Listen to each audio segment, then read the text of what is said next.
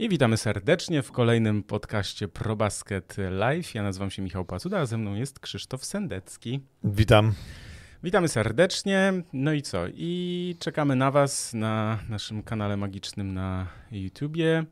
Żeby nie było, e, najpierw opowiemy, o czym będziemy dzisiaj mówić, bo dzieje się. Mamy też do opowiedzenia kilka rzeczy, które za nami były jeszcze kilka dni temu, no bo wiemy, że, że zaczęły się finały konferencji wschodu i zachodu, ale my też będziemy chcieli powiedzieć o tym, co się wydarzyło jeszcze w półfinałach e, konferencji, no bo to też warto o tym e, porozmawiać. E, przypominamy, że jesteśmy w Blaszak Studio w Starych Babicach, także jakby ktoś też chciał skorzystać z tego dobrego i pięknego studia, to zapraszamy, zachęcamy. Jest też dziupelka dla tych, którzy lubią śpiewać, bo to też jest możliwe, żeby tutaj też nagrywać muzykę. Czy ty już dodałeś, że jesteśmy? Na przykład na jakimś Twitterku albo coś? Nie. No to może zróbmy to. Zróbmy to, żeby jeszcze więcej osób do nas dołączyło.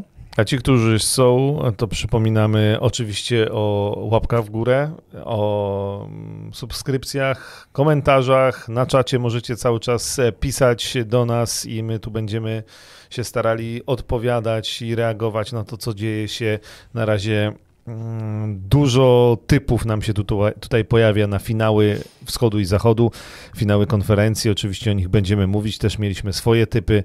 Na razie mm, wszyscy mogą być mądrzy, bo dopiero po jednym meczu, więc jeszcze każdą teorię można podpiąć y, co do tego, co się będzie działo w tej rywalizacji. Ja mam niestety coś słaby internet, wam powiem szczerze, i dlatego nie mogę też odpalić tego wszystkiego, co bym chciał, więc dlatego to jest też troszeczkę przedłużam, bo nie wiem dlaczego tak się dzieje, no ale y, Zaczniemy od tego, że w lokalu Roberta Lewandowskiego Nines y, w Warszawie, w Starych Browarach, oglądaliśmy mecz Boston Celtics Milwaukee Bucks. Kto był, to widział. Ponad 100 osób było. Pozdrawiam serdecznie wszystkich, którzy byli i tych, którzy chcieli być, ale nie dotarli. Prawda, Krzysiu? Co zrobić? Miał, Krzysiek, ja. miał pracę, w sensie bardzo jest teraz zajętym człowiekiem, więc niestety nie dotarł, ale nieobecność usprawiedliwiona. No ważne, że jestem tutaj dzisiaj w podcaście. Tak, to jest najważniejsze oczywiście. Yy, I co? I pozdrawiam też oczywiście serdecznie wszystkich, którzy podeszli, jakoś żeśmy się złapali, przybiliśmy piątkę. Marek, Kamil, Wojtek, yy, Marcin i jeszcze kilka osób było, także to serdecznie pozdrawiam. E, dziękuję za ciepłe słowa też i na temat naszego podcastu i w ogóle pro basketu i wszystkiego, co robimy. I widać, że fanów NBA jest dużo i to ja się bardzo z tego powodu cieszę. I też od razu powiem, że mm, można powiedzieć współorganizator czy organizator tego zamieszania, bo no ja tak po prostu dołączyłem trochę też na zasadzie promowania, więc yy, też nie biorę tego pełnych zasług na siebie, bo tutaj słowa uznania dla Michała Bety, który tutaj w Warszawie scala, można powiedzieć, to nasze środowisko koszykarskie. E, odbywają się teraz y, ogląda odbywają się oglądania, to trochę słabo. Jest możliwość oglądania w barze sportowym Nines meczów też finałów PLK i też wiem, od razu mówię, że tym osobom, które się jakoś nastawiają na finały, że Michał też planuje zorganizować słuchaj, oglądanie finałów w nocy, nie wszystkich, ale, ale może kilku. I też warto gdzieś obserwować go, spróbować go znaleźć na, e, na no w mediach społecznościowych, czy na Facebooku, czy na Twitterze, czy na Instagramie. Często pod ksywką Mike Kicks. Mike Kicks, tak jest. Więc jakby e, to, to polecamy w sensie, żeby się z nim tutaj jakoś kontaktować, czy obserwować to, co on to, co on tutaj może jakby mm, będzie dodawał te informacje. My też na, na, na ProBaskecie będziemy o tym y, pisać, informować. Też spotkamy się za niecałe dwa tygodnie, bo 1 y, czerwca będzie akurat po finałach konferencji i będzie tuż przed pierwszym meczem wielkiego finału, więc tak, podsumujemy. Warto sobie zapamiętać, bo wyjątkowo to będzie środa, e, więc 1 czerwca, ale łatwo zapamiętać, bo Dzień Dziecka, więc w Dzień Dziecka przed finałami e, się spotykamy, już będziemy wiedzieli, kto zagra w wielkim finale. Tak, ja widzę tutaj pytania o typy. Myślę, że yy, wiecie co, możemy zacząć w ogóle od tego, od, yy, typo, od typowania w tym sensie, że yy, jest tak, że ja nie biorę sobie pełnych zasług y, za to, że gdzieś tam coś dobrze wytypowałem i też nie biorę jakoś mocno do siebie tego, jak nie wytypuję y, tak, jak to się skończy, bo ja mówiłem w zeszłym roku, jeszcze chyba przed pierwszą rundą, że Milwaukee Bucks będą mistrzami NBA, ale jakby no, wiemy też, że gdyby Kevin Durant nie nadepnął na linię i nie było dogrywki, to, e, to Brooklyn Nets by awansowali do finału konferencji. Wiemy też, że gdyby James Harden i Kyrie Irving nie byli wtedy kontuzjowani, to też pewnie Milwaukee Bucks mieliby dużo e, trudniej jest trochę tak, że mm, to, co podkreślają też eksperci, to, że jesteśmy zawsze o tą jedną kostkę skręconą na przykład od, yy, albo no jedną kontuzję od tego, od wyniku, tak? To znaczy, że, że się waży wynik, tak naprawdę może się zmienić wszystko. Tak na przykład jest teraz serii Miami-Boston, gdzie okazało się, że y, no Markus Smart jest kontuzjowany, być może zagra w meczu numer dwa, ale tam on ma i problem z udem, i z podkręconą gdzieś no, nogę w w stopie, czy stopę ma tam tak, jakoś tam. naruszoną, więc jakby to jest, pamiętajmy o tym, że to jest też bardzo ważna rzecz i no i nieobecność Ala Horforda, którego nie będzie w meczu numer dwa i najprawdopodobniej w meczu numer trzy, no podobno jest szansa, że w meczu numer 3 będzie. Znaczy, to jest e, no. dawno e, niewidziany, niesłyszany COVID-19. Tak, no ale jak ktoś e, się nie zaszczepił, to potem takie cyrki mogą wychodzić, tak? Więc jakby... No i nie, be, nie będzie też teraz, jak nie będzie Markusa Smarta, co może być problemem e, Derricka White'a, E, któremu urodziło się dziecko. Tak, e, więc jakby... Więc są ważniejsze rzeczy niż no, playoffy. Tak, no Nawet. i to, to, jakby to rozumiemy, tylko chodzi o to, że to też trzeba wziąć to jakby pod uwagę, że są też okoliczności, które się wydarzają, no, no nie wiem, no na przykład kontuzja Joela Embida i to, że on grał z ręką rozwaloną i z kością w twarzy pękniętą, no to też odgrywa bardzo ważną, bardzo ważną rolę w sensie... Ale my się nie, nie tłumaczymy, bo tutaj już mamy Filipa, który pisze mecz grany do czterech zwycięstw, mowa o nadepnięciu na linię, no ale słuchajcie, jak no decyduje było, się w meczu w... numer 7 w ostatniej akcji, no to, no to rozmawiamy o nadepnięciu na linię. Gdyby, nie, gdyby, to, gdyby, gdyby nie, nie, nadepnął, to Brooklyn Nets by ten mecz Więc wygrali. jakby dlatego mówimy, my czasami trafiamy, czasami nie, wydaje mi, a tylko chodzi o to, że pewnie mm, jak wszyscy trafialibyśmy zdecydowanie częściej, gdyby nie było kontuzji. E, natomiast czasami rzeczywiście to jest bardzo, to jest tak wyrównany poziom, tak jak teraz e, w, Ale to jest, to... w finałach i, i też było w półfinałach, że czasami niektóre rzeczy przewidzieć. E, no i dlatego też sport jest piękny, bo, bo nas zaskakują sami koszykarze, ale też trenerzy, tym, że się zmienia taktykę, że się zmienia obronę, że się zmienia grę, że się dużo rzeczy zmienia. No albo więc... to, że Phoenix Suns przegrają z Dallas Mavericks jeszcze no, po pierwszych dwóch meczach ja 2-0. W życiu było... bym tego nie przewidział, natomiast no, mogę na przykład dzisiaj powiedzieć, że okej, okay, no przewidziałem, że Boston wygra z Milwaukee, jestem mądry, tak? No tak, natomiast... No, Ale też wiesz, no gdybanie, gdyby Chris Middleton grał, nie wiadomo jakbyś no, ta seria tak, skończyła. Tak, no, tak, więc tak, jakby... Tak. Więc my sobie trochę gdybamy, trochę e, oczywiście typujemy, i czasami tak, ale też, też jakby nie. zachęcam do tego, żeby do nas przychodzić nie po, nie po typy, tylko raczej po to, żeby dowiedzieć się, co się wydarzyło i co się może wydarzyć, albo co, co się, się, musi zadziać, żeby coś się na przykład spełniło, tak? Bo, bo, bo jakby to jest najważniejsze e, w tym wszystkim. No, jak mawiał pewien trener, panowie, e, ja mogę was przygotować do meczu, ale za was trafiać do kosza nie będę. No więc jakby wiemy o co chodzi i myślę, że myślę, że to, to, to jest w tym wszystkim najważniejsze. Może co, zaczniemy sobie, mm, bo tak sobie tutaj to wszystko y, ułożyłem, że y, proponuję, żebyśmy zaczęli od serii od serii jeszcze Celtics Bucks i poprosimy taką planszę z Celtics Bucks. No i co? I było 3-3 Milwaukee mieli ogromną szansę na to, żeby zakończyć tę serię u siebie, ale wtedy y, znakomita gra Boston Celtics i 108 do 95. No a potem to, co się wydarzyło w meczu numer 7, to dominacja Boston Celtics i zwycięstwo pewne.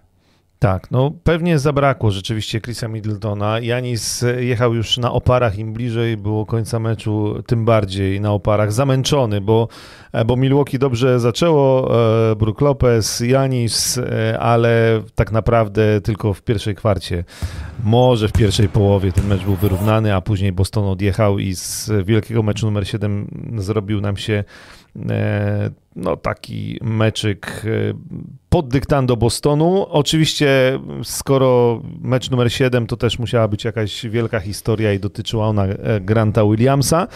Grant Williams, który rzucił 7 trójek, rekord meczów numer 7 w historii playoffów. E, zdobył 27 punktów, a Oczywiście też bronił, bo on też e, gra przeciwko Janisowi. E, to oczywiście Janisa do pewnego stopnia możesz wykluczyć i ograniczyć, natomiast ja byłem przez całą tę serię pełen podziwu, bo oczywiście o, o Horfordzie mówimy dużo jako tej najważniejszej postaci w obronie.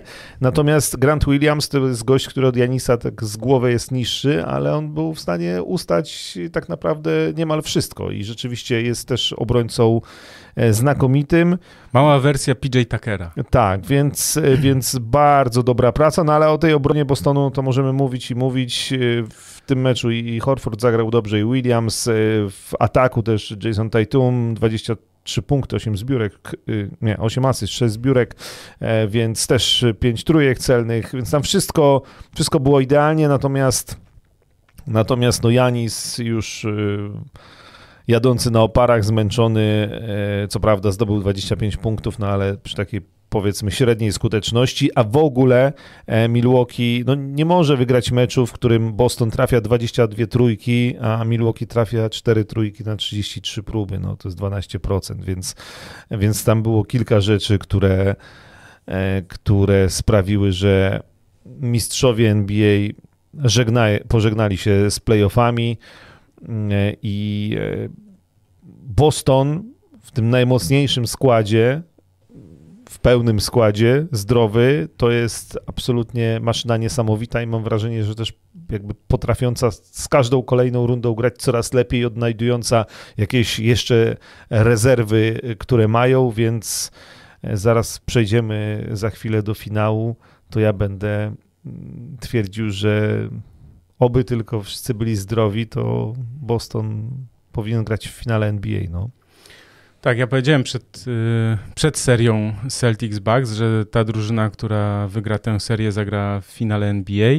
No zobaczymy, jak to y, się jeszcze y, ułoży, bo ale to myślę, że przejdziemy, jak, jak przejdziemy do serii Celtics Heat, to wtedy o tym więcej powiemy. Ja to, co sobie też wynotowałem, to oczywiście brak Middletona i też ten transfer, bo to też warto, warto o tym pamiętać, że oni przed zamknięciem okienka transferowego pozyskali Sergia Ibakę, e, bo obawiali się, że Brook Lopez nie wróci, więc uznali, że muszą mieć po prostu kogoś pod koszem.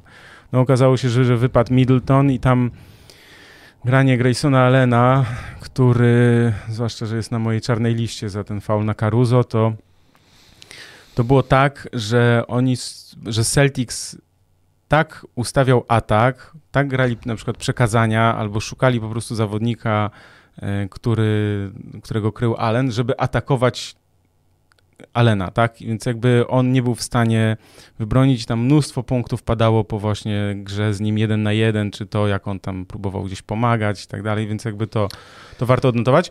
Tak jak zresztą Phoenix Suns, znaczy tak jak Dallas Mavericks zrobili z Chrisem Polem, po prostu mówiąc wprost. Więc tak, jakby to jest... grając e, na niego. No a Milwaukee, y, bo nieobecność Chrisa Pola, y, wróć, nieobecność Chrisa Middletona to jedno, natomiast to, że poskąpili pieniążków dla PJ Tuckera, to też się zemściło, bo no to, co tak, on wyprawia tak, tak, w Miami tak. Heat w tej chwili, no to potwierdza, że trzeba było go zatrzymać, y, bo też bardzo przyczynił się do zdobycia mistrzostwa w zeszłym sezonie. Warto też pamiętać o tym, że Celtics trafili 53 trójki więcej w całej serii I dla mnie to jest w ogóle, znaczy to największa taka różnica w, w playoffach yy, i to, że w ogóle Bucks byli w stanie doprowadzić do meczu numer 7 przy takiej przewadze celnych trójek, to też jest w ogóle yy, no, moim to... zdaniem sukces. I Janis też jest pierwszym zawodnikiem, to co mówiliśmy, 200 punktów, 100 zbiórek, 50 asyst i nikt nigdy nie miał takiej serii. Michael Jordan, LeBron James, nikt.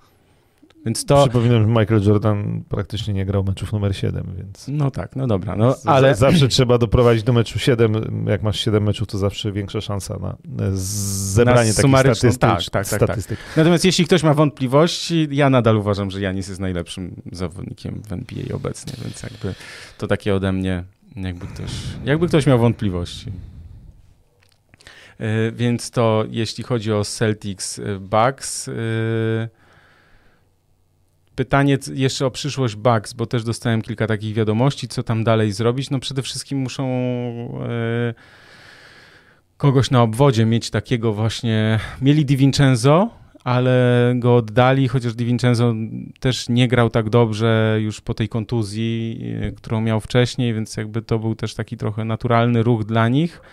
No ale myślę, że to, co należy, kogo należy pochwalić bardzo, no to Wesley Matthewsa, bo Wesley Matthews po prostu nagle okazało się, że on tam gra i w ogóle znakomicie jeszcze potrafi grać, bo ja pamiętam go dwa lata temu, to on tam szurał po parkiecie, w sensie nie był w stanie tak no, biegać dynamicznie czy coś, natomiast on tutaj w obronie walczył y, za trzech, więc tutaj jeśli chodzi o... Mm, o Bucks, natomiast o Celtics jeszcze zaraz powiemy przy okazji tej rywalizacji z Milwaukee. Patrzę jeszcze sobie na, na czat, ale dużo jest o Jimmy Butlerze, więc, więc to zaraz e, do tego dojdziemy. Ale jeszcze wcześniej chcemy przejść do serii Suns Mavericks.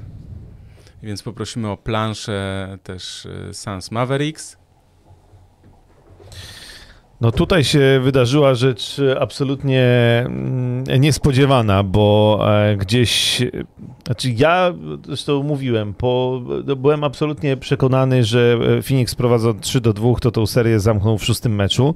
Nie zamknęli, bo przegrali ten szósty mecz. Przegrali też e, nadspodziewanie wysoko, łatwo i w ogóle bez walki mecz numer 7. Mecz numer 7 to była jakaś abstrakcja e, dla kibiców, którzy przez ostatnie dwa lata oglądali NBA, bo nagle zniknęło całe wspaniałe Phoenix Suns, które przecież w poprzednim sezonie grało w finale, a w tym sezonie było najlepszą drużyną sezonu zasadniczego. E, Devin Booker e, absolutnie pudłujący wszystko. Chris Paul zdominowany, ośmieszony przez Lukę Doncicza. Podobno no, on twierdził, że z kontuzją też grał, ale też nieskuteczny, po, popełniający straty, e, nie potrafiący kontrolować tempa, w ogóle jak nie on, zniknęły w ogóle e, wszystkie, mm, e, wszystkie pick and role. Ejton zagrał 17 minut i to też już jest... I w ogóle gdzie ten gość, którego w zeszłym roku tak chwaliliśmy, który tak grał znakomicie na tym centrze, przecież no, niewiele brakowało, żeby Suns wygrali finał z Milwaukee, tak? A on tam grał no całe playoffy grał rewelacyjnie no. i, i, miał być tym gościem, na którego Dallas Mavericks nie będą mieli mm, odpowiedzi na tej pozycji, natomiast zagrał 17 minut, zdobył 5 punktów. Złośliwi mówią, że e, no, wraca temat tego, że Phoenix Suns nie zaproponowali mu nowego kontraktu i on pewnie zmieni klub. No ale... E... No tak, ale to wiesz jest też taka zasada w NBA, że jak jesteś, jak ci się kończy kontrakt, to możecie tak zaobserwować, to jest, no, to jest normalne też, w sensie, że jest taka mobilizacja u zawodnika, który walczy o kontrakt, że on rozgrywa przeważnie sezon, sezon życia. No. Natomiast Ayton zaliczył spadek formy w tych playoffach olbrzymi i teraz jak Phoenix Suns mu pewnie coś zaproponują, on stwierdził, że chce maksa, Yy, albo jakąś no, bardzo duże pieniądze. Oczywiście, że są kluby, które mu zaproponują, tak? W sensie słabsze kluby, które mu zaproponują na pewno yy, dobrą ofertę. Nie, nie, wiemy, co mu zaproponują Phoenix Suns, więc jakby tutaj trochę trudno o tym mówić, ale wiesz, no to stawia też taki znak zapytania, czy ten, czy ten zespół się po prostu nie rozpadnie. Bo to, pamiętajmy, że to przez lata ostatnie, poza tymi ostatnimi dwoma, tak, oni mieli ten świetne wejście w bańkę, gdzie tam wygrali 8 meczów, ale nie awansowali mimo tego do playoffów, no ale to był taki, przepraszam, znak, że Phoenix Suns będą mocni, tak, że w końcu po tych latach takich no, fatalnych, bo oni przecież nie grali w playoffach długo. Yy, mówiło się, że Devin Booker znakomity, on pamiętamy ten mecz w Bostonie, gdzie on tam rzucił chyba 71, teraz nie pamiętam ile dokładnie, ale bardzo dużo. I wydawało się, no tak, Devin Booker, przyszłość, Monty Williams to poukładał, wszystko wyglądało znakomicie. W zeszłym roku oni byli w finale, w tym roku najlepsza drużyna sezon, sezonu zasadniczego. I nagle wiesz, patrzysz na to wszystko i mówisz, kurczę, blade, coś, coś tu nie gra, w sensie takim, że wiesz, ja rozumiem, że to był pierwszy mecz numer 7 Montiego Williamsa, pierwszy mecz numer 7 Devina Bookera. Chris Paul znany jest z tego, że no przepraszam, że to powiem, no ale że nie dowozi, no. Znowu. I znowu, tak? I jest taka brutalna statystyka, znaczy takie wyliczenie, że w pierwszych ośmiu meczach tych playoffów Chris Paul miał średnią ponad 22 punkty, prawie 10 asyst, oddawał średnio 15 rzutów na mecz i miał 1,6 straty. Natomiast w ostatnich pięciu 9,5 y, punktu, 5,8 asysty, czyli spadek bardzo no, wyraźny i też oddanych rzutów zaledwie 7 i ponad 3,5 straty gdzie Suns przegrali 4 z tych 5 meczów od momentu, kiedy zaczęli 6 do 2. Więc, yy, a to było jeszcze tak, że on dokładnie tam, to się wszystko załamało chyba w momencie, kiedy on miał urodziny i skończył 37 lat. Tak, e, dokładnie. I zaraz e, po skończeniu 37 lat nagle zaczął e, grać fatalnie i Phoenix się całe posypało. Oczywiście może się posypać ten skład, no jeżeli odejdzie Ayton. Chris Paul od razu po tym przegranym meczu niemal od razu powiedział, że on zostaje na przyszły sezon, że on jeszcze w przyszłym sezonie zagra. No, no tylko nagle tutaj... PSL-u nie oszukasz. Tak, no tutaj się nagle zrobiło z drużyny walczącej o mistrzostwo i faworyta do mistrzostwa, drużyna z wielkim znakiem zapytania. I załatwił to E, można powiedzieć, e, no niemal w pojedynkę Luka Doncic, no bo też o Dallas zaraz powiemy, ale to też jest ciekawe, bo Phoenix stawialiśmy za przykład takiej drużyny świetnie zbudowanej, gdzie masz gwiazdy, gdzie masz zadaniowców, gdzie masz rezerwowych, wszyscy wiedzą, co mają robić, wszyscy znają swoje zadania, e, jest y, zespołowe granie, y, wszystko, zespołowa obrona, wszystko działa idealnie. Natomiast Dallas, drużyna, która już w tej chwili coraz mniej jest takich, zbudowana wokół jednej gwiazdy. Luka Doncic jest absolutnie, Luka Doncic w formie, takiej jak jest, nie jak na początku tego sezonu, ale jak normalnie, jak teraz. Luka Doncic jest gościem nie do zatrzymania e, i jest obudowany zawodnikami, e, no Wiesz, no ja już mówiłem, no, mi nie mówisz, że Jalen Branson albo nawet albo Spencer Dinwiddie to są gwiazdy. No to nie są nawet ludzie, którzy, to oni pewnie nigdy w życiu nie zagrają w meczu gwiazd. Natomiast, natomiast cała ta drużyna jest zbudowana tak, że jest Luka Doncic, który robi wszystko e, i jak i dookoła ma gości, którzy dobrze bronią, bo oni wszyscy, to, to łączy cały skład Dallas Mavericks. Oni są dobrymi albo przyzwoitymi, no, generalnie dobrymi obrońcami, wszyscy po kolei, no i wszyscy poza, powiedzmy, centrami rzucają za trzy punkty dobrze. E, I Phoenix często kryło jeden na jeden Lukę Doncicza, błąd, bo z nim jest, z Doncicem jest jak z Jordanem, no jego, wiesz, jego nie, to nie, nie, ma, nie ma takiej opcji, żebyś go jeden na jeden ograł. Znaczy on zawsze cię ogra, e, więc to, to, to się musi wydarzyć. Jak bronisz go jeden na jeden, to wiesz, że za chwilę będą punkty. Natomiast jeśli go podwajasz, no to on odgrywa i, i trafiasz trójki.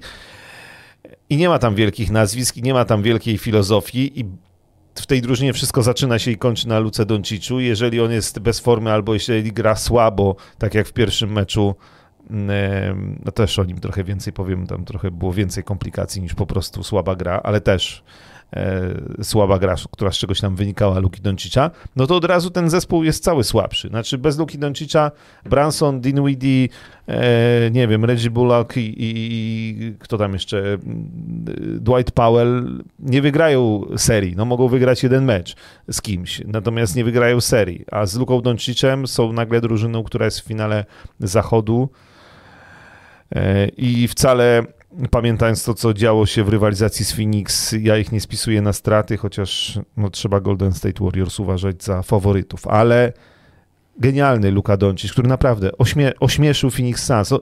Tam w drugiej kwarcie wygrali 30 do 10. No hello, 10 punktów Phoenix Suns rzucili w To kwarcie. No to, jest, bo to jest to jakaś było kompromitacja. 57 do 27 i Luka Doncic miał tyle punktów, co cały zespół z Phoenix i jak go zapytali, czy wiedział, że ma ty- tyle samo, tak, oczywiście.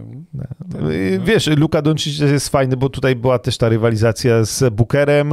E, on e, oczywiście z jednej strony to jest trochę irytujące, e, te jego miny, grymasy, e, dyskusje z sędziami, machanie rękami i tak dalej. Natomiast z drugiej strony ma to swój urok i, i wiesz, że Luka taki jest. LeBron James ostatnio napisał na Twitterze, że jego ulubionym zawodnikiem do 25 roku życia, e, czyli z tego młodego pokolenia jest absolutnie Luka Doncic, e, więc tu jeszcze e, tak. E, Tu było też pytanie o to zdjęcie z piwem e, przed meczem z Golden State Warriors, no podobno z tego, co tam ja widziałem, to zdjęcie stare, natomiast szumu Chyba z narobiło. bańki mecz, z bańki Z- zdjęcie. Że sobie siedzi z. Bobanem Marianowiczem i pije piwko.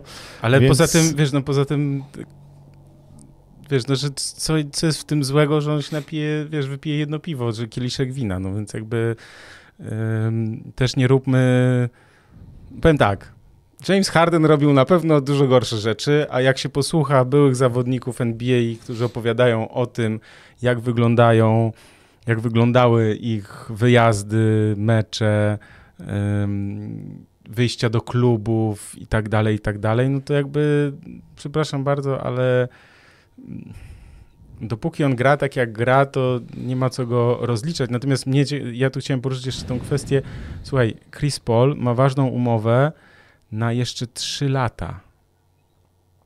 W tym sensie, że on w przyszłym sezonie zarobi 28,5 i potem i potem ma jeszcze 31 i 30, ale to ja nie wiem, czy to jest Aha, że to nie jest w pełni gwarantowane, tak? To ostatnie dwa lata, no ale to on do 40 w sensie stary. No to jest w ogóle szaleństwo, bo Chris Paul rzeczywiście. Yy, słuchajcie, nie wiem, czy, bo to jest, no nie jesteśmy tam, więc trochę trudno nam też, bo pewne rzeczy się widzi, natomiast ja trochę sobie posłuchałem też dziennikarzy, którzy tam byli, na przykład na miejscu. Mark Spears jest taki człowiek, e, legenda ESPN e, i on mówi, że on tam był w Phoenix i on zawsze mówi, że zawsze sobie chodzi po, e, po hali, rozmawia z ludźmi właśnie, którzy tam pracują i, i jemu powiedzieli tacy zwykli pracownicy, którzy gdzieś nawet nie są przy zespole, tylko po prostu są tam, tu coś sprzedają i tak dalej, więc jakby oni mówią, że że, że było coś dziwnego w,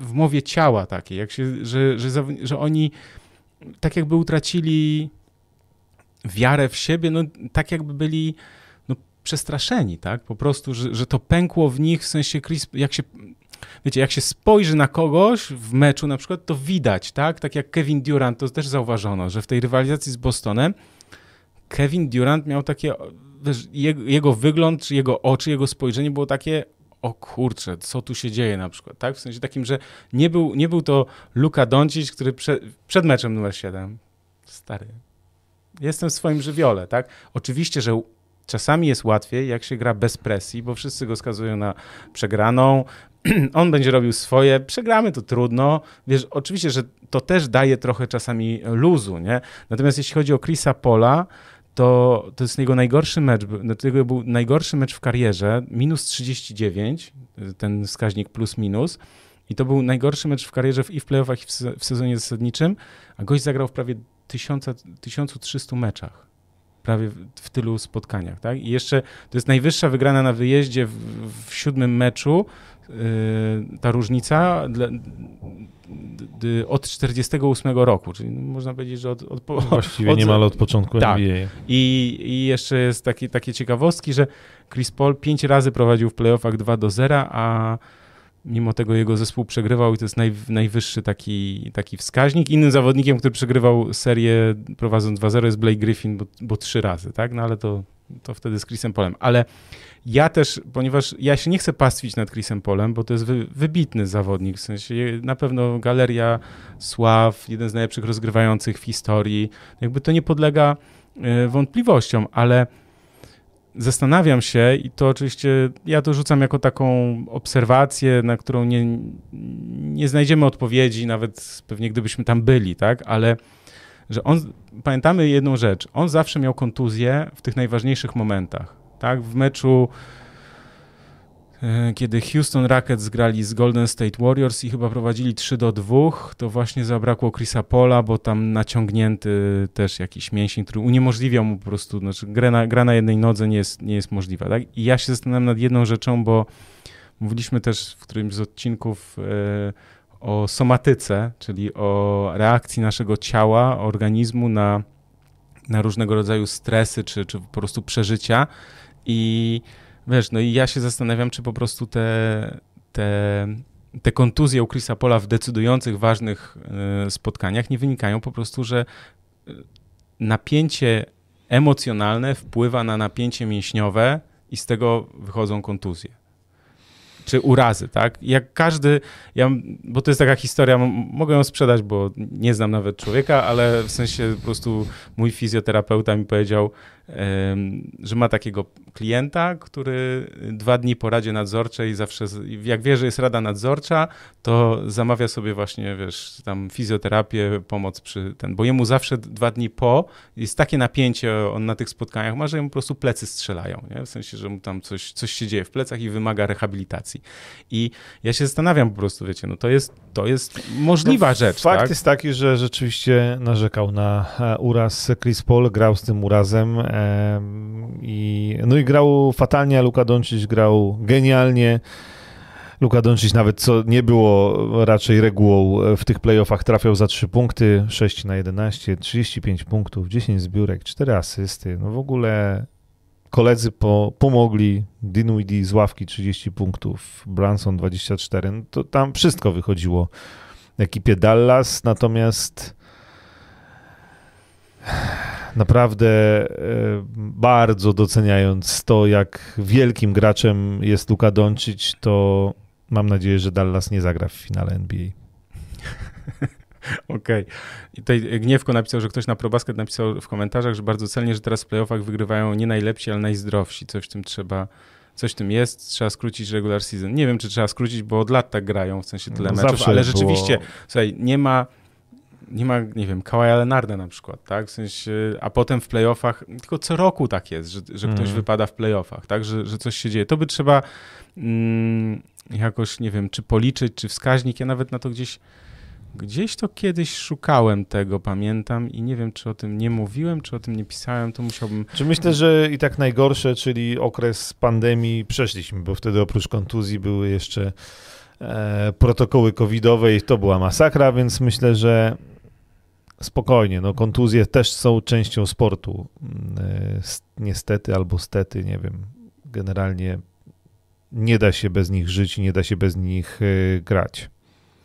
Tak, i dlatego skończymy już temat e, Phoenix Suns i przeniesiemy się na wschód, bo tam już jesteśmy po pierwszym meczu Miami Heat Boston Celtics. Poprosimy jeszcze grafikę z wynikiem. No, co tu dużo gadać, 118 do 107, 1-0 prowadzenie Miami Heat. No i powiedz Krzysztof, co tam się wydarzyło? Wiesz co, dwie zupełnie różne połowy, e, bo pierwsza e, dla Bostonu i wydawało się, że Boston ten pierwszy mecz e, może z Miami wywieźć zwycięstwo w tym pierwszym meczu. 20 punktów do przerwy już miał Jason Tatum. Robił co chciał, wchodził pod kosz. Mimo, że odrobił lekcję PJ Tucker i krył go dobrze, to, to miał takie flow, że tak naprawdę wszystko mu się działo. E, natomiast później mam wrażenie, że Bostonowi zabrakło po pierwsze jednak trochę paliwa, jednak trochę zmęczeni, bo trzeba pamiętać, że co prawda te drużyny zagrały tyle samo meczów do tej pory w playoffach, ale jednak e, Boston to miał nie, o wiele to... trudniejszych rywali, bo Milwaukee, a wcześniej Brooklyn. Po drugie miał krótszą przerwę, bo Miami e, po tej drugiej rundzie odpoczywało dłużej e, po pokonaniu no tak, no Filadelfii. Bo oni wygrali z, z Milwaukee w niedzielę, to było po, w tak. południe tam, więc oni po prostu po południu pewnie wsiedli w samolot i polecieli. polecieli do Miami. do Miami. Masz tylko jeden dzień tak naprawdę, poniedziałek na, na no to, właściwie żeby... ostatnio co dwa dni gra Boston i, i znowu po jakby między rundami znowu to były tylko dwa dni, więc, e, więc to wyszło w drugiej, w drugiej połowie. E, e, oczywiście pamiętamy o tym, że tak, e, e też osłabienia, bo, bo to też wyszło.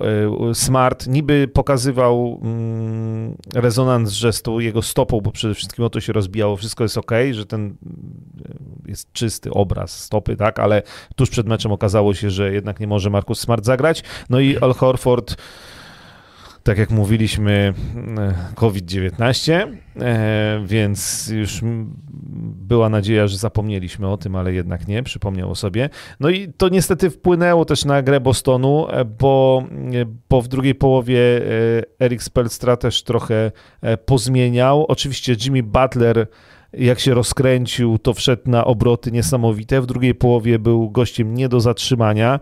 E, Jimmy Butler w całym meczu 41 punktów. Uwaga, że bo to jest dobra linijka. 41 punktów, 9 zbiórek, 5 asyst, 4 przechwyty, 3 bloki. To jest Jimmy Butler. Totalny, e, no naprawdę, monster. Na razie i w ogóle Jimmy Butler to wygląda genialnie w tych playoffach. E, też wchodzi pod kosz, rzuca z pół dystansu, on nie musi rzucać za trzy punkty. Taki Tego... oldschoolowa koszykówka i to, ta, ta, to ja, ta, ja to tak. doceniam bardzo, bo zamiast siepać za trzy, to wiesz, to to jest taki typowy basket z, z lat... Y minionych, czyli z, no nie, tak, 10 no czy 20 lat. No. Dobrze, wiesz, w pełni zdrowa obrona Bostonu e, pewnie e, będzie go wypychać e, i, i, i za linię trzech punktów i będzie go zmuszać do rzutów z dystansu i to by było na pewno dobre, natomiast w tym meczu to się absolutnie nie udawało. No ale, ale na, i, no i wiesz, i też jakby ci, którzy weszli, y, czy mieli wejść w buty Horforda czy Smarta, to nie do końca uciągnęli. Znaczy nie da się grać e, tymi rezerwowymi e, Boston Celtics, ludźmi, no, zadaniowcami e, w tak wielkich ról, jakie odgrywa chociażby Horford, czy zresztą obaj, i Horford i Smart, no bo, no bo po prostu nie ten poziom zawodników, tak? Więc, więc tutaj kilka rzeczy się na to złożyło. Na pewno doceniam to, jak gra Miami Heat, też w, chwalimy obronę Bostonu, tak, że jest najlepsza w lidze, natomiast ta obrona Miami Heat jest tak naprawdę niewiele gorsza. Jak zabrakło Smarta i zabrakło przede wszystkim Horforda, no to Adebayo, Tucker, Butler, Victor Oladipo też przecież e, jak świetnie broni, e, no sprawili, że tam w trzeciej kwarcie 39 do 14, a do, rozpoczęło się 22 do 2. Tak, tak. W trzeciej kwarcie w ogóle dwa celne rzuty że w pierwszej połowie Boston wszystko trafiał, w trzeciej kwarcie 2 na 15 z gry mm. i no i tak jak mówisz, czwarta kwarta zaczęła się od 22 do 2 e, i już było po meczu. No ale w Bostonie ja się trzymam wersji, że Boston zdrowy, znaczy jak wróci Horford przede wszystkim i Smart, E, to jest cały czas faworytem i powinien e, tę serię wygrać, bo jednak w porównaniu tych drużyn Boston Celtics tak na papierze jest drużyną mocniejszą e, i też wydaje mi się, że mimo wszystko łatwiejsze do zatrzymania jest mimo wszystko Jimmy Butler, do rozczytania może, chociaż oczywiście to też jest trochę tak, że on w formie to, to może się z tego też zaśmiać i robić co chce, jak w tym pierwszym meczu, natomiast Natomiast y, wydaje mi się, że, że jak tam Horford wróci do obrony, jak na nim siądzie e, Tatum, pewnie też e, musi trochę pobronić, ale myślę, że, że bardziej to bym właśnie zostawił Butlera e, gdzieś tam Horfordowi i, i zmuszać go do rzucania za trzy punkty. To, to Miami jest do ogrania przez Boston jak najbardziej, więc ja się trzymam wersji, że Boston Celtics w finale no najwię największy minus będzie, jeśli, jeśli rzeczywiście te jakieś urazy czy choroby się przedłużą i wtedy nie w pełnym składzie Miami mogą szukać szansy. No, w, dla ekipy z Florydy bardzo dobre by było wygranie meczu numer dwa u siebie.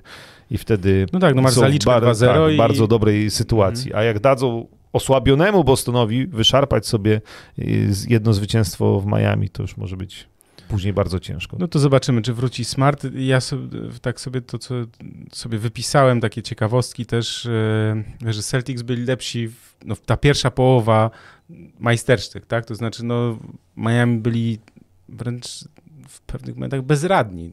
Celtics wydawało się, że idą jak burza i że, i że wygrają, natomiast tam w przerwie musiało się zadziać dużo na korzyść Miami. Butler, rewelacyjna ta linijka i to jest jego trzeci mecz w tych playoffach 40-punktowy i on nie miał takiego żadnego meczu w, w, sezonie zasadniczym. To jest też to, co trzeba docenić, bo wiesz, jego zaangażowanie, on zawsze mówi o wygrywaniu, to jest gość, którego przez wiele lat traktowano, nie traktowano poważnie, bo on miał swoje fochy. Dwayne Wade mówi, że jak jeszcze grał z nim w Chicago, to jakby że Butler był niezrozumiany, że jego takie dążenie do tego, żeby być najlepszym, no, wpływało wtedy gdzieś negatywnie i ogólnie i na zespół, i Chicago, i, i Filadelfię też, bo przecież jego oddano, znaczy pożegnano w sensie z, z Filadelfii, mimo że przecież mógł tam, e, mógł tam zostać. Zresztą Joel Embiid powiedział, że, że brakuje mu grania z Butlerem. E, natomiast e, to, co jest ważne, to, że w, e, dla Bostonu to Tatum miał 8 punktów, 1 na 7 z gry i 6 strat w drugiej połowie. Mhm. No to wiecie, to mówiliśmy, ja to o tym mówiłem ostatnio że koszykówka, że mecz jest taki, że mm, to jest trochę jak ping-pong i czekamy na taki moment, kiedy można zapalić i ten zryw, i to jest często, nie wiem, tak jak w Warriors jest odbijanie tej piłeczki, a potem są trzy trójki Stefa, jedna kleja i jest po meczu, tak? I tak było tutaj w tym przypadku, że gdzieś jedna, druga strata tej Tiuma, po których poszły kontry, i Butler po prostu podkręcający to wszystko, wykorzystujący y, moment y, y, to jakby no dał, dał, dał Miami to, to co to, co znaczy tą, tę przewagę, której potem po prostu no, nie oddali. Też trzeba docenić to, że hit wszystko przekazują w obronie, ale tam na przykład trudno jest zagrać tak jak że tak jak było z Bucks na Alena, czy tak jak ma na Chrisa Pola, no jed, bo tu jest Vincent i, i, i Strus, którzy, którzy są w stanie to, wiesz, udźwignąć, ale tak obrona Miami Heat jest skonstruowana, tam jest tak, pomo- tak jest pomoc yy, wiesz, pomoc, powrót i, i, i te, tak jest obrona ustawiona, że nawet jeśli jest gra właśnie przeciwko niższym, słabszym i tak dalej, to tam jest od razu pomoc, że to, co Warriors zrobili z Luką Doncicem, tak, czyli jakby zamykali zawsze, nie dawali grać jeden na jeden, e, więc to, to, to trzeba... Jedyny słaby punkt w obronie tak naprawdę to jest Tyler Hero, to jest no tak. i on jak, no ale to też jest ale tak, że on tyle daje w ataku, że Polstra oni... jest tego świadomy. Tak, no? tak, że oni e, Polstra z niego też korzysta i, i, i Dlatego nie gra koledzy pomagają, tak, no, więc jakby... E... Ale te, też, też jest świetna historia. Jimmy Butler powiedział, że, że dwa razy, kiedy przechwycił piłkę i poszła kontra, to, to on mówi, dobrze się udało, to mówił chyba na konferencji po meczu, mówi, dobrze się udało, bo trener z Polstra nienawidzi oszukiwania w obronie. Wiesz, ja też pewnie wiele razy to mówiłem, ja też tego nie cierpię, kiedy gracz y, wychodzi jest na przykład jest podanie do zawodnika, którego kryje i ja na przykład wychodzę z takim, a, że już prawie miałem przechwyt, nie? Po czym tamten mój gość dostaje piłkę i leci, wiesz, i łatwe punkty są, nie? Ale ja tutaj, wiesz, pokazuję, że ten, czyli to jest no takie tak, tylko że to jest coś, czego, co tępią trenerzy od, od dziecka, że nie, wiesz, no to jest e, szansa na przechwyt jest tam 10%, a 90%, że no tak, ale zostaje bez obrońcy. Tak, ale jak jesteś wybitnym obrońcą, to masz to wyczucie i tobie się udaje no, w, częściej i też jakby wiesz, kiedy tę próbę podjąć, nie? I Butler rewelacyjna forma i on podjął to ryzyko i to się opłaciło, tak? Więc jakby to jest, to, jest, no, to też jest koszykówka, jest też grą podejmowania ryzyka tak naprawdę, tak? tak? Bo wiadomo, Gabe że... Vincent 50% z gry, tak swoją drogą. E, natomiast e, takie nazwiska, które tu nie padły, Grant Williams, bohater meczu numer 7, e, problemy z faulami. No i okazał się, że był osamotniony też, jakby jeśli chodzi właśnie o obronę. Znowu brak Horforda, brak Smarta. To ta, ta gra w defensywie, mimo że Robert Williams grał w tym meczu, to ta defensywa Bostonu też się trochę no nie działała tak jak normalnie. Natomiast, bo tutaj dużo osób pyta o Kyla Lauriego, powiem tak, jak on ma wrócić w takiej formie, jak był e, ostatnio, to może lepiej dla Miami Heat, żeby on się wyleczył naprawdę na spokojnie, bo, bo tutaj niczego tej drużynie nie, nie brakuje w tym momencie. I... On, znaczy w, te, w, tej chwili y, dużo lepsza jest jego rola na ławce. Tak. To, jako takiego, no... no... Być może zdrowy, tak, natomiast no to, to jak on wyglądał w ostatnich swoich występach w, w trakcie playoffów jeszcze, no to, to wyglądał bardzo źle, no. Więc y, albo zdrowy w 100% i gotowy do gry, albo niech, niech spokojnie się leczy i da robić swoje kolegom.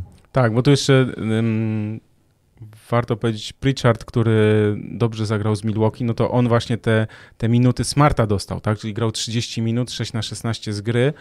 Yy, oczywiście, że fajnie, bo tam 4 na 11 za 3, więc uzbierał 18 punktów, ale no, trzeba zauważyć jedną rzecz, jak oni grali przeciwko niemu, yy, że właśnie na niego też grali, tak? Te, mm. Próbowali grać, żeby to on był tym obrońcą zawodnika atakującego kosz, no i to tam parę razy zrobili z niego miazgę tak naprawdę, nie? więc jakby to, to też trzeba zauważyć. Jeszcze jedna ważna rzecz. Y, w sezonie Celtics wygrali 2 do 1. Przed pierwszym meczem ESPN taki wskaźnik był 51 tylko szans, że, wygra, że wygrają Miami Heat, tak 51 do 49. Natomiast ważne jest to, że Jason Tatum nie przegrał dwóch meczów z rzędu od stycznia. Więc zobaczymy. Może być ciekawie. Moim zdaniem, mm, biorąc pod uwagę tak, zmęczenie, biorąc pod uwagę y, nieobecność Smarta i Horforda, i teraz jeszcze dojdzie. Dojdzie nieobecność e, White'a. No tak, no to wiesz, no bez Smarta, Horforda i White'a to, to wygrać choć jeden mecz będzie bardzo ciężko, tak, żeby to Ale ja uważam, że że ten mecz numer dwa może być zupełnie inny. Że może, że Jason Tatum i Jalen Brown, wiecie, każdy mecz, po każdym meczu, każdy mecz jest analizowany po prostu na 100 różnych możliwości. Scouting re, e, report, czyli tam, jak teraz, teraz fajnie widać w ogóle, jak oglądasz mecze, kiedy już trenerzy przestali być w garniturach, to cały sztab jest ubrany tak samo, nie? I też parę osób mnie zapytało, mówi, stary, ja nie wiedziałem, że tyle osób pracuje, w sensie jest w takim sztabie, bo zobaczcie, że to nie jest tam tylko trener i trzech asystentów. Tam z tyłu jest jeszcze, wiesz, nie wiem, dziesięciu gości jeszcze, którzy na pewno mają co robić, tak? Wiesz, jakby yy, po każdym tym meczu, wiesz, analizy, oczywiście niektórzy są od przygotowania tam motorycznego, od yy, rehabilitacji, czy tam, wiesz, fizjo i tak dalej, ale część jest właśnie takich, którzy po prostu tylko ana analizują tabelki, rzuty, wszystkie wykresy i tak dalej, i tak dalej, nie? Więc jakby to warto, y, warto o tym pamiętać i, i myślę, że to, no to jest ciekawe dla mnie, w sensie ja uważam, że nie wiem, przed tym finałem, przed finałem konferencji uważałem, że 4-2 Celtics, natomiast no, Celtics nie wygrają tego, jak nie będzie Smarta i Horforda, tak?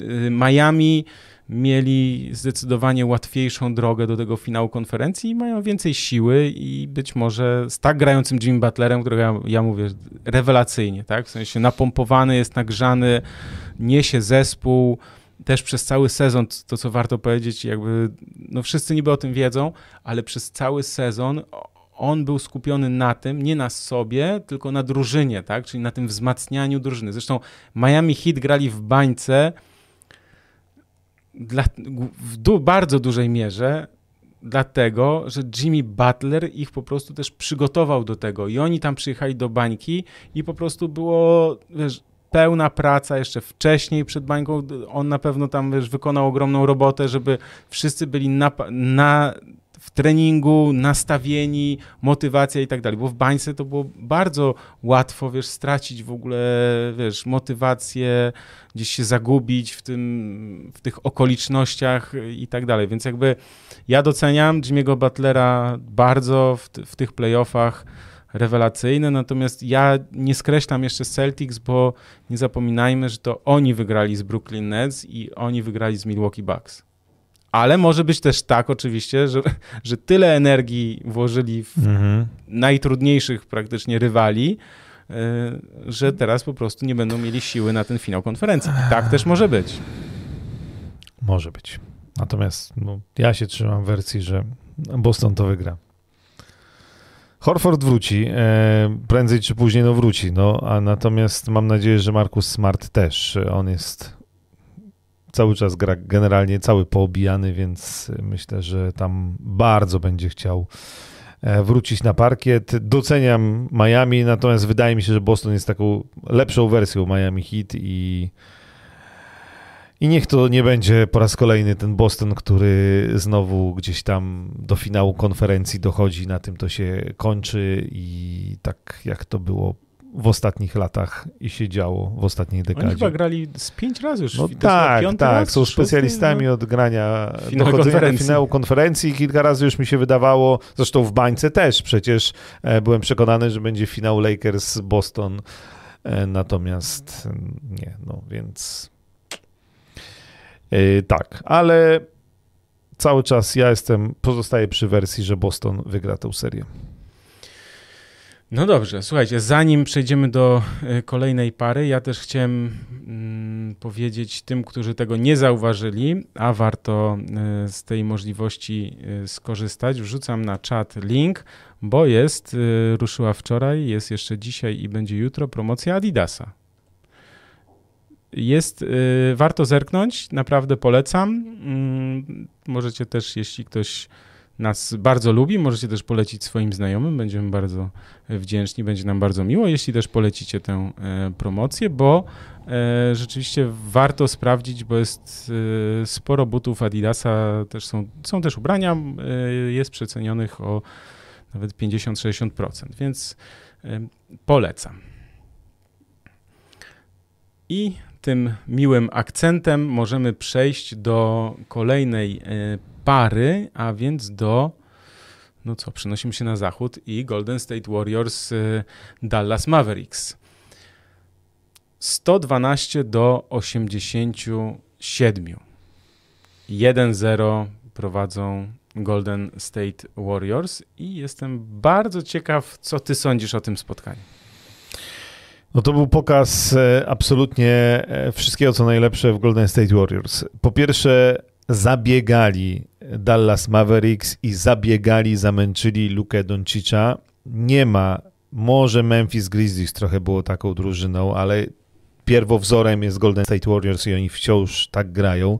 Nie ma drugiej drużyny, która tyle by biegała w ataku i w obronie w obronie, przekazując sobie mm, e, krycie w ataku non-stop, non-stop oni biegają. To jest niesamowite, jak na przykład taki Steph Curry musi być przygotowany fizycznie, bo mnóstwo takich punktów, gdzie, znaczy jego na, na moment, yy, wiesz, stracisz z pola widzenia kontakt z nim i on jest już w ogóle w zupełnie innym miejscu yy, na yy, parkietu, dostaje piłkę i wiesz, ma, to tam były takie akcje w stylu, że on na przykład do narożnika zapędzony, wiesz, pułapka, linia końcowa, linia boczna, dwóch obrońców, on odgrywa piłkę jakoś tam za plecami y, daleko, gdzieś ją wyrzuca niemal pod linię środkową do Draymonda Greena, ucieka tym obrońcom, Green, y, Green tylko łapie piłkę, od razu mu od no, razu oddaje. zasłonę przy okazji. E, o, tak, i ten już jest na pozycji do rzutu za trzy i rzuca trójkę, nie? Jest po akcji. Akcja, która wydawała się naprawdę dobrze wymyślona, niedużo brakowało, żeby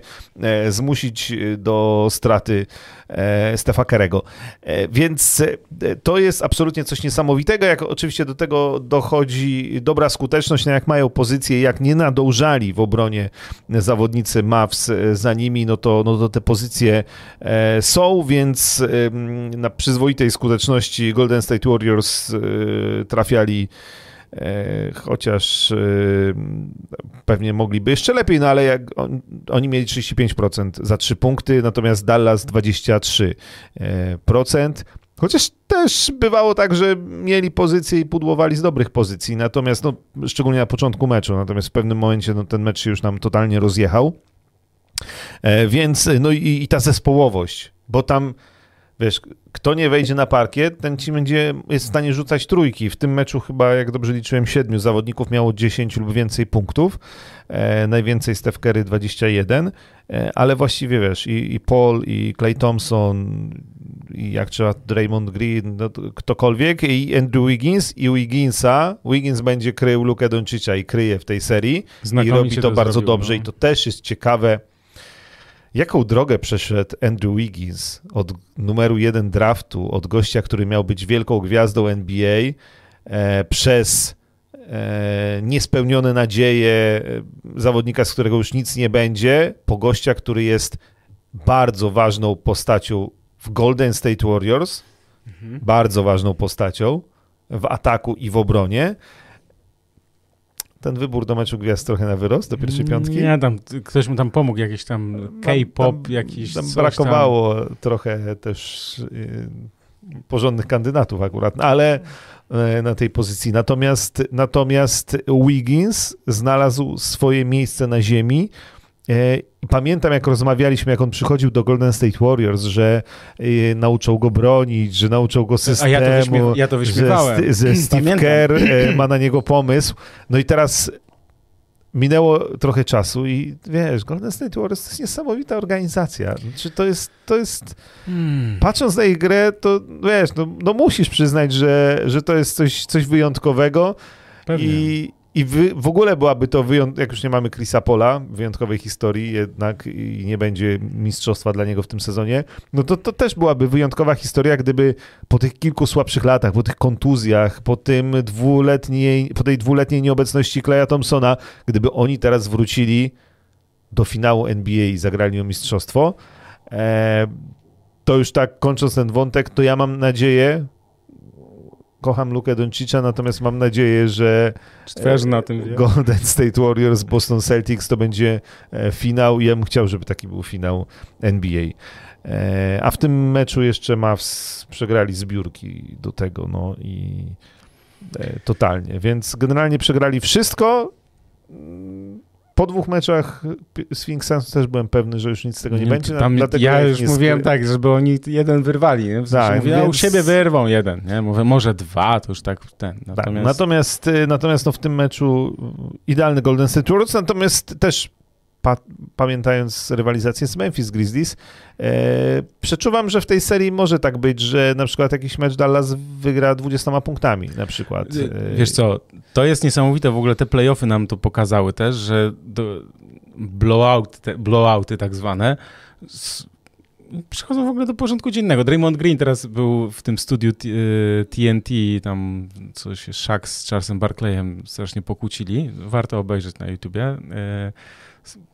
Jezus Maria, strasznie się tam pożarli, no ale potem przyszedł Draymond Green i e, Charles Barkley chyba go zap- zapytał, co jak wyście tam dostali w papę 55, to w Memphis, to ja- jak wyglądał wasz powrót do domu, nie? A on, a ja mówię, normalnie, normalnie. Wiedzieliśmy, że musimy to ogarnąć i ten, że wiesz, że trochę jest tak, że kiedyś to było, kiedyś było takie nastawienie, dobra, nie możemy przegrać wysoko, albo że wysoka przegrana o czymś po prostu świadczy, no takim, że wiesz, no przegrałeś 20, to wszyscy mówią, no nie, no jak 20 dostali, to się nie podniosą i tak dalej, nie? Przy czym nagle, wiesz, drużyna przegrywa 20 i w następnym meczu na przykład wygrywa 20. mhm. To jest w ogóle, no, jest to gdzieś tam, gdzieś mam wrażenie, że we wcześniejszych latach tak, tak nie było, tak, że to się też zmieniło, ale to też jest efekt tego, że wszyscy rzucają za trzy, no i jak siedzi, tak jak na przykład Dallas y, w tym meczu numer 7 z y, Phoenix chyba 19 na 39, wiesz, no to, to tyle trójek trafić z taką skutecznością, no to wiesz, mówimy o rzutach za trzy punkty, czyli mówimy o pięciu celnych rzutach, które dają 15 punktów, tak, że to jest Mhm. że to jest y, bardzo dużo, nie? Więc jakby y, to chciałem zauważyć. Natomiast moje gdzieś tam wnioski po tym pierwszym meczu Warriors Mavs to przede wszystkim widziałem pierwszy komentarz, nie pamiętam kogo, więc przepraszam, ale bo był taki pierwszy komentarz, że na pewno powiem, że to dopiero pierwszy mecz. Tak, mówię, że to dopiero pierwszy mecz, ale zaraz powiem dlaczego. Pierwsza kwarta, którą mm, Golden State Warriors wygrali 28 do 18 i Andrew Wiggins zdobył 10 punktów, to Dallas oddali 19 rzutów za 3 punkty i trafili tylko 3. Tam była taka akcja, że oni oddali trzy trójki w jednej, w jednej, w jednej akcji, bo były dwie zbiórki w ataku. Ale wiesz co, co trzeba zauważyć? To nie były trudne rzuty, to nie były rzuty przez tak, ręce. Tak. To były rzuty z czystych pozycji. Jason Kidd w wywiadzie chyba po, właśnie po pierwszej kwarcie powiedział, że mamy dobre pozycje do rzutów, tylko musimy zacząć trafiać. I tam 3 na 19, w ogóle rekord, e, też sobie spisałem, że rekord NBA to jest 20 oddanych trójek chyba w playoffach albo w ogóle, nie wiem, e, Utah Jazz oddali kiedyś 20 rzutów za 3 punkty e, w kwarcie, natomiast Dallas oddali ich w tym spotkaniu 19 w pierwszej kwarcie, ale no wiesz, no Reggie Bullock 1 na 5, kiedy to jest no, wyrósł nam na super strzelca, można powiedzieć. Luka Doncic 1 na 4, Jalen Branson 0 e, na 3, potem jeszcze tam paru po tam 0-2, 0-1 czy coś, ale wiesz, że jakby nawet trzy te rzuty celne, to już masz, wiesz, już masz zupełnie mhm. inny 28-27 masz, tak? Więc jakby, yy, bo co chcę przez to powiedzieć? Oczywiście, że yy, Golden State Warriors świetnie kryli przeciwko Donciczowi. Jego krył co chwilę ktoś inny.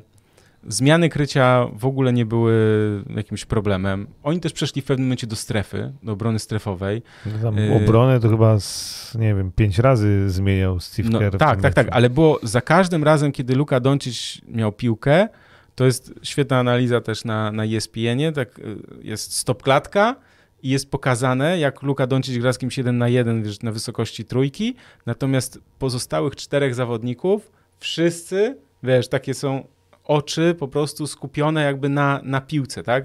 Doncic mija, jest pomoc, powrót, on się nie decyduje na rzut, podaje do środka, jest przechwyt, bo jest zacieśnie, zacieśnienie obrony. Więc jakby mnóstwo tam takich rzeczy, które się udały, zapaliły, w sensie wypaliły, jeśli chodzi o obronę. Natomiast też pamiętajmy o tym, że Luka Doncic no, może jednak wyciągnąć z tego wnioski. Więc ja bym był ostrożny. Nie mówię, ja uważam, że Golden State Warriors są faworytami tego, tej, tej rywalizacji, tak? Ja sobie tak będzie Dallas 4-2. Trochę chyba tak nie doceniłem ich po prostu w, w rywalizacji z Phoenix. I pewnie też bym chciał, żeby niżej rozstawiona drużyna, gdzieś tam skazywana na porażkę też i, i, i tak sobie zakładam, że jakby Mas wygrali, to Luka musiał po prostu zagrać no, jeszcze lepiej niż z Phoenix, tak? Więc mm. jakby mówię, czemu ma się to nie zadziać, no? Więc jakby to taki typ trochę pełen fantazji, ale y, wiesz, że, mm, że, że mówię, dlaczego mówię spokojnie, że to pierwszy mecz, bo wiesz, oni nie trafiali, tak, w tym meczu za trzy punkty, ale, ale to, ta obrona, ta, ta obrona Golden State Warriors była świetna przeciwko Donciciowi, ale nie była świetna przeciwko całej drużynie. I gdyby kilka tych trójek więcej wpadło, bo oni trafili w sumie 11 na 48 rzutów za trzy punkty. 48 trójek to jest strasznie dużo. W sensie odpalonych, tak? Mhm. I bardzo dużo, wiele z tych rzutów, zwłaszcza w tej pierwszej kwarcie czy w pierwszej połowie, było z dobrych pozycji. Także na miejscu Golden State Warriors też nie otwierałbym jeszcze szampana, bo, bo to się może zupełnie inaczej jeszcze potoczyć i ułożyć. Tam się dużo jeszcze um, może zmienić. Coś jeszcze chciałem powiedzieć o tym Donciciu i, i, o tej ich e, kryciu, tak? No i oczywiście to, co musi Luka Doncic zrobić, to uruchomić innych kolegów, tak? W sensie musimy pamiętać też o takiej rzeczy, to jest bardzo prosta e, w teorii oczywiście, zasada nazwijmy to, że jeśli będą trafiać tacy zawodnicy jak Bullock, jak Branson, e, Maxi Kliber, to to wiesz, to ta obrona nie będzie już tak skupiona tylko na Donciciu, ale ona będzie musiała być bardziej rozciągnięta i mhm. wtedy Doncic będzie miał więcej miejsca do grania, tak? Więc jakby myślę, że ten mecz e, on też E, przeanalizuję sobie, Dallas to przeanalizują. Myślę, że będą grali to samo, w sensie w tym, w tym kontekście, że swoje, tak? Czyli y, dużo rzutów za trzy punkty, co nas czasem wkurza, tak? Bo to jest też czasem takie już do przesady, że to jest 5-0 ustawienie, wiesz, piłka gdzieś sobie tam no, Luka kozłujący w miejscu, bach, bach, bach, bach, bach i, i wiesz, gdzieś tam próba oddania na rzut za trzy punkty. Czasem jak to jest tak monotonne, to to się ciężko ogląda i, i nawet mówiliśmy o tym, że chyba Dallas Mavericks są tak tak ciężką drużyną mm -hmm. do mhm. oglądania. To chyba nawet w rywalizacji z Utah Jazz tak było, że tak no... no. Z Phoenix też te pierwsze mecze wygrane przez nich tam na 2-2, no to nie, no generalnie ich się momentami bardzo, no, ta, no tak jak mówiliśmy, no, to jest, to jest tak zbudowana drużyna, tutaj nie ma, wiesz, no wiesz, że Luka Doncic może grać genialnie, jak go kryjesz jeden na jeden, no to czasem będzie robił fantastyczne akcje, a czasami będzie e, wymuszał faule, e, natomiast jak go spróbujesz podwoić, no to, to będzie oddawał piłkę i będą rzuty za trzy, no nie ma tu wielkich komplikacji, nie ma tu tak pięknej koszykówki jak w przypadku Golden State Warriors chociażby. Tak, ale, ale... też y, Golden State Warriors y, mieli, właśnie, był ten moment w trzeciej kwarcie, na początku trzeciej kwarty, kiedy tak jak, tak jak Miami, że zapaliło, tak, że wypaliło kilka strat, kilka celnych rzutów i już poszło. Clay Thompson chyba zdobył pierwsze punkty dopiero w drugiej połowie. Mhm. E, na pewno z gry, więc jakby wiesz, że to jest po prostu mm, ten co chcę powiedzieć, Steph Curry nie trafił na początku meczu chyba trzech rzutów wolnych. W ogóle jego średnie z playoffów e, w tym sezonie są chyba najsłabsze w jego karierze albo w ostatnich latach. E, kilka razy też oni popełniali różne błędy. Clay Thompson nie jest tytanem w obronie, niestety już po tej, bo on był kiedyś bardzo dobrym obrońcą, natomiast teraz ja mam wrażenie, że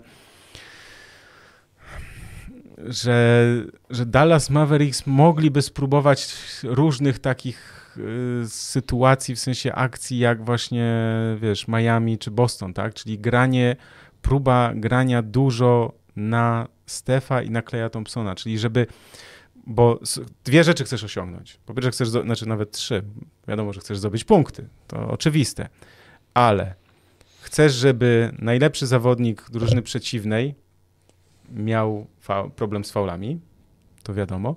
Natomiast jeszcze jedna rzecz ważna, że chcesz, żeby ten zawodnik drużyny przeciwnej, ten jeden z tych liderów, był zmęczony. W tym sensie, żeby on mógł się zmęczyć, żeby, żeby chcesz go zmęczyć w obronie, żeby on miał mniej siły na atak. Luka Doncic jest idealnym przykładem gościa, który w obronie odpoczywa.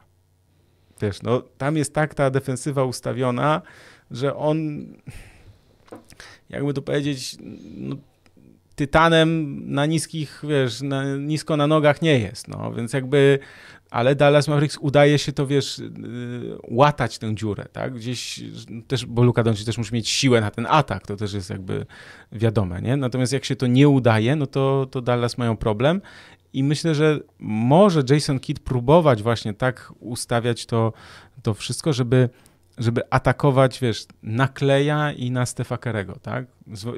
Bo to jest, czasem to jest dość proste, bo wystarczy zrobić zasłonę, żeby poszło przekazanie. Hmm. Natomiast Golden State Warriors też o tym wiedzą, wiem, wiem, że wiedzą, widziałem, bo też było tak, że było przekazanie, ale na przykład było pomoc powrót, tak? Czyli na chwilę wychodzę zawodnik wychodzi na chwilę do Doncicia, żeby jego obrońca mógł wrócić i wtedy tamten obrońca wraca do swojego i wtedy nie ma tego przekazania. No, było tak? też tak, że Wiggins ganiał za Doncicem pod zasłonami, nad zasłonami. Tak, tam, tak, tak. E, e, a, będzie, będzie tutaj jeszcze ciekawie.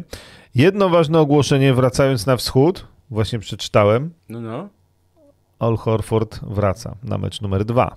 Uuu. Także e, chyba ponowny teścik musiał wyjść negatywnie. Więc y, to może trochę zmienić, bo myślę, że to jest ważniejsza postać niż y, Czyli można, Smart. Chociaż nie, no, bo tak się zastanawiam, czy to za wszystko, co powiedzieliśmy, to należy już skasować? To... Nie, nie jakby... Nie, no. Dużo mówiliśmy o tym, że jeśli wróci. Jeśli prawda? wróci, y, to tutaj Boston oczywiście może w Miami mecz wyrwać, ale niekoniecznie. Tutaj się jeszcze będzie dużo działo. Natomiast Horford to już udowodnił w tej serii, jest absolutnie e, nieodzowną częścią Boston Celtics, spajającą przede wszystkim tę drużynę w obronie i tą genialną defensywę. Gościem, który indywidualnie potrafi e, kryć każdego i bronić każdego i też zawodnikiem, który tam w ataku też może coś tam jeszcze od siebie dodać, więc Mm, więc bardzo ważna informacja, że Horford wraca i bardzo dobra dla Boston Celtics. No to jest problem dla Miami, zobaczymy, bo to może być ciekawie, no bo to dzisiaj, już dzisiaj w nocy. Już dzisiaj w nocy ten mecz, a więc no, może być zupełnie inaczej niż w tym meczu y, numer jeden. No ale to jeszcze musimy zobaczyć. Dobra, na koniec poprosimy drzewko na koniec tego segmentu poprosimy e, drzewko, bo mm, jeśli mamy drzewko, czy mamy drzewko, panie kierowniku? Powinniśmy mieć drzewko. No ale kierownik... Ale drzewka nie widać. No właśnie, pytanie, czy kierownik gdzieś tam nie przystał. A na drzewku e, uwiędła nam już e, Filadelfia na przykład i nie, chyba nie będzie drzewka. Nie będzie drzewka? Jest drzewko, mówisz jest i masz. drzewko. Jest drzewko. Więc y, to, co widzieliśmy w drugiej rundzie, Dallas wygrało 4 do 3 z Phoenix, Golden State Warriors 4 do 2 z Memphis Grizzlies i teraz na zachodzie Golden State Warriors wygrywają 1 do 0, a na wschodzie 4 y, do 2 wygrana Miami z Filadelfią, 4 do 3 Bostonu z Milwaukee i mamy 1 do 0 w serii Miami-Boston. Jak różnych sytuacjach i położeniach są te drużyny, które przegrały półfinały konferencji. Memphis, które jest nadzieją na przyszłość i można powiedzieć, że mimo wszystko zagrało świetny sezon i ma dużo przed sobą. Natomiast na przykład Philadelphia, pytanie co dalej, jak James Harden, e, bo, bo na ten ostatni mecz, generalnie te playoffy nie dojechał z małymi wyjątkami, ale ostatni ten szósty mecz no, był dramatyczny. I Joel Embiid, który powiedział, że James Harden nie jest już tym Hardenem z Houston. To jest, mm. słuchaj, to jest taki pocisk. No. To... Mm, to może w ogóle zaważyć na ich relacji. Ja tak mi się wydaje, że Harden też jest takim gościem, który mam wrażenie, że jest wrażliwy na swoim punkcie i może wziąć takie rzeczy do siebie, ale jeśli, bo mówimy o tym, bo powiedziałeś o tej o tym, jak te drużyny są w różnej roli, w różnej sytuacji i mówi, mówiliśmy też o Phoenix, który nie wiadomo, czy się no tak, zespół fi, nie, finaliści nie rozpadnie, nie? Tak, finaliści sprzed roku też, no Phoenix z wielkim znakiem zapytania, co dalej z tą drużyną. Milwaukee pewnie z mniejszym, bo, bo wróci Chris Middleton. Wróci Chris mm, Middleton i... Trzeba tam troszkę wzmocnić. Pewnie, tak. pewnie jednak Bobby Portis z całym szacunkiem dla e, rzutu na zwycięstwo tam, to, to jednak to nie jest ta postać, jaką był PJ Tucker, więc troszeczkę tutaj trzeba pokombinować, natomiast o Milwaukee chyba możemy być w miarę spokojni z kilkoma wzmocnieniami. Natomiast Phoenix, zobaczymy, jestem ciekaw. Memphis może być tylko lepiej na Filadelfii. To nie wiem. Doc Rivers powiedział, że wykonał dobrą pracę. A nie, słuchaj, najważniejsze to być zadowolonym z samego siebie. To jest na pewno w psychologii to jest też takie ważne. Tak. On pewnie Więc... ma taką taśmę, wiesz, słucha takiej taśmy, jesteś zwycięzcą i ma dobre samopoczucie. No.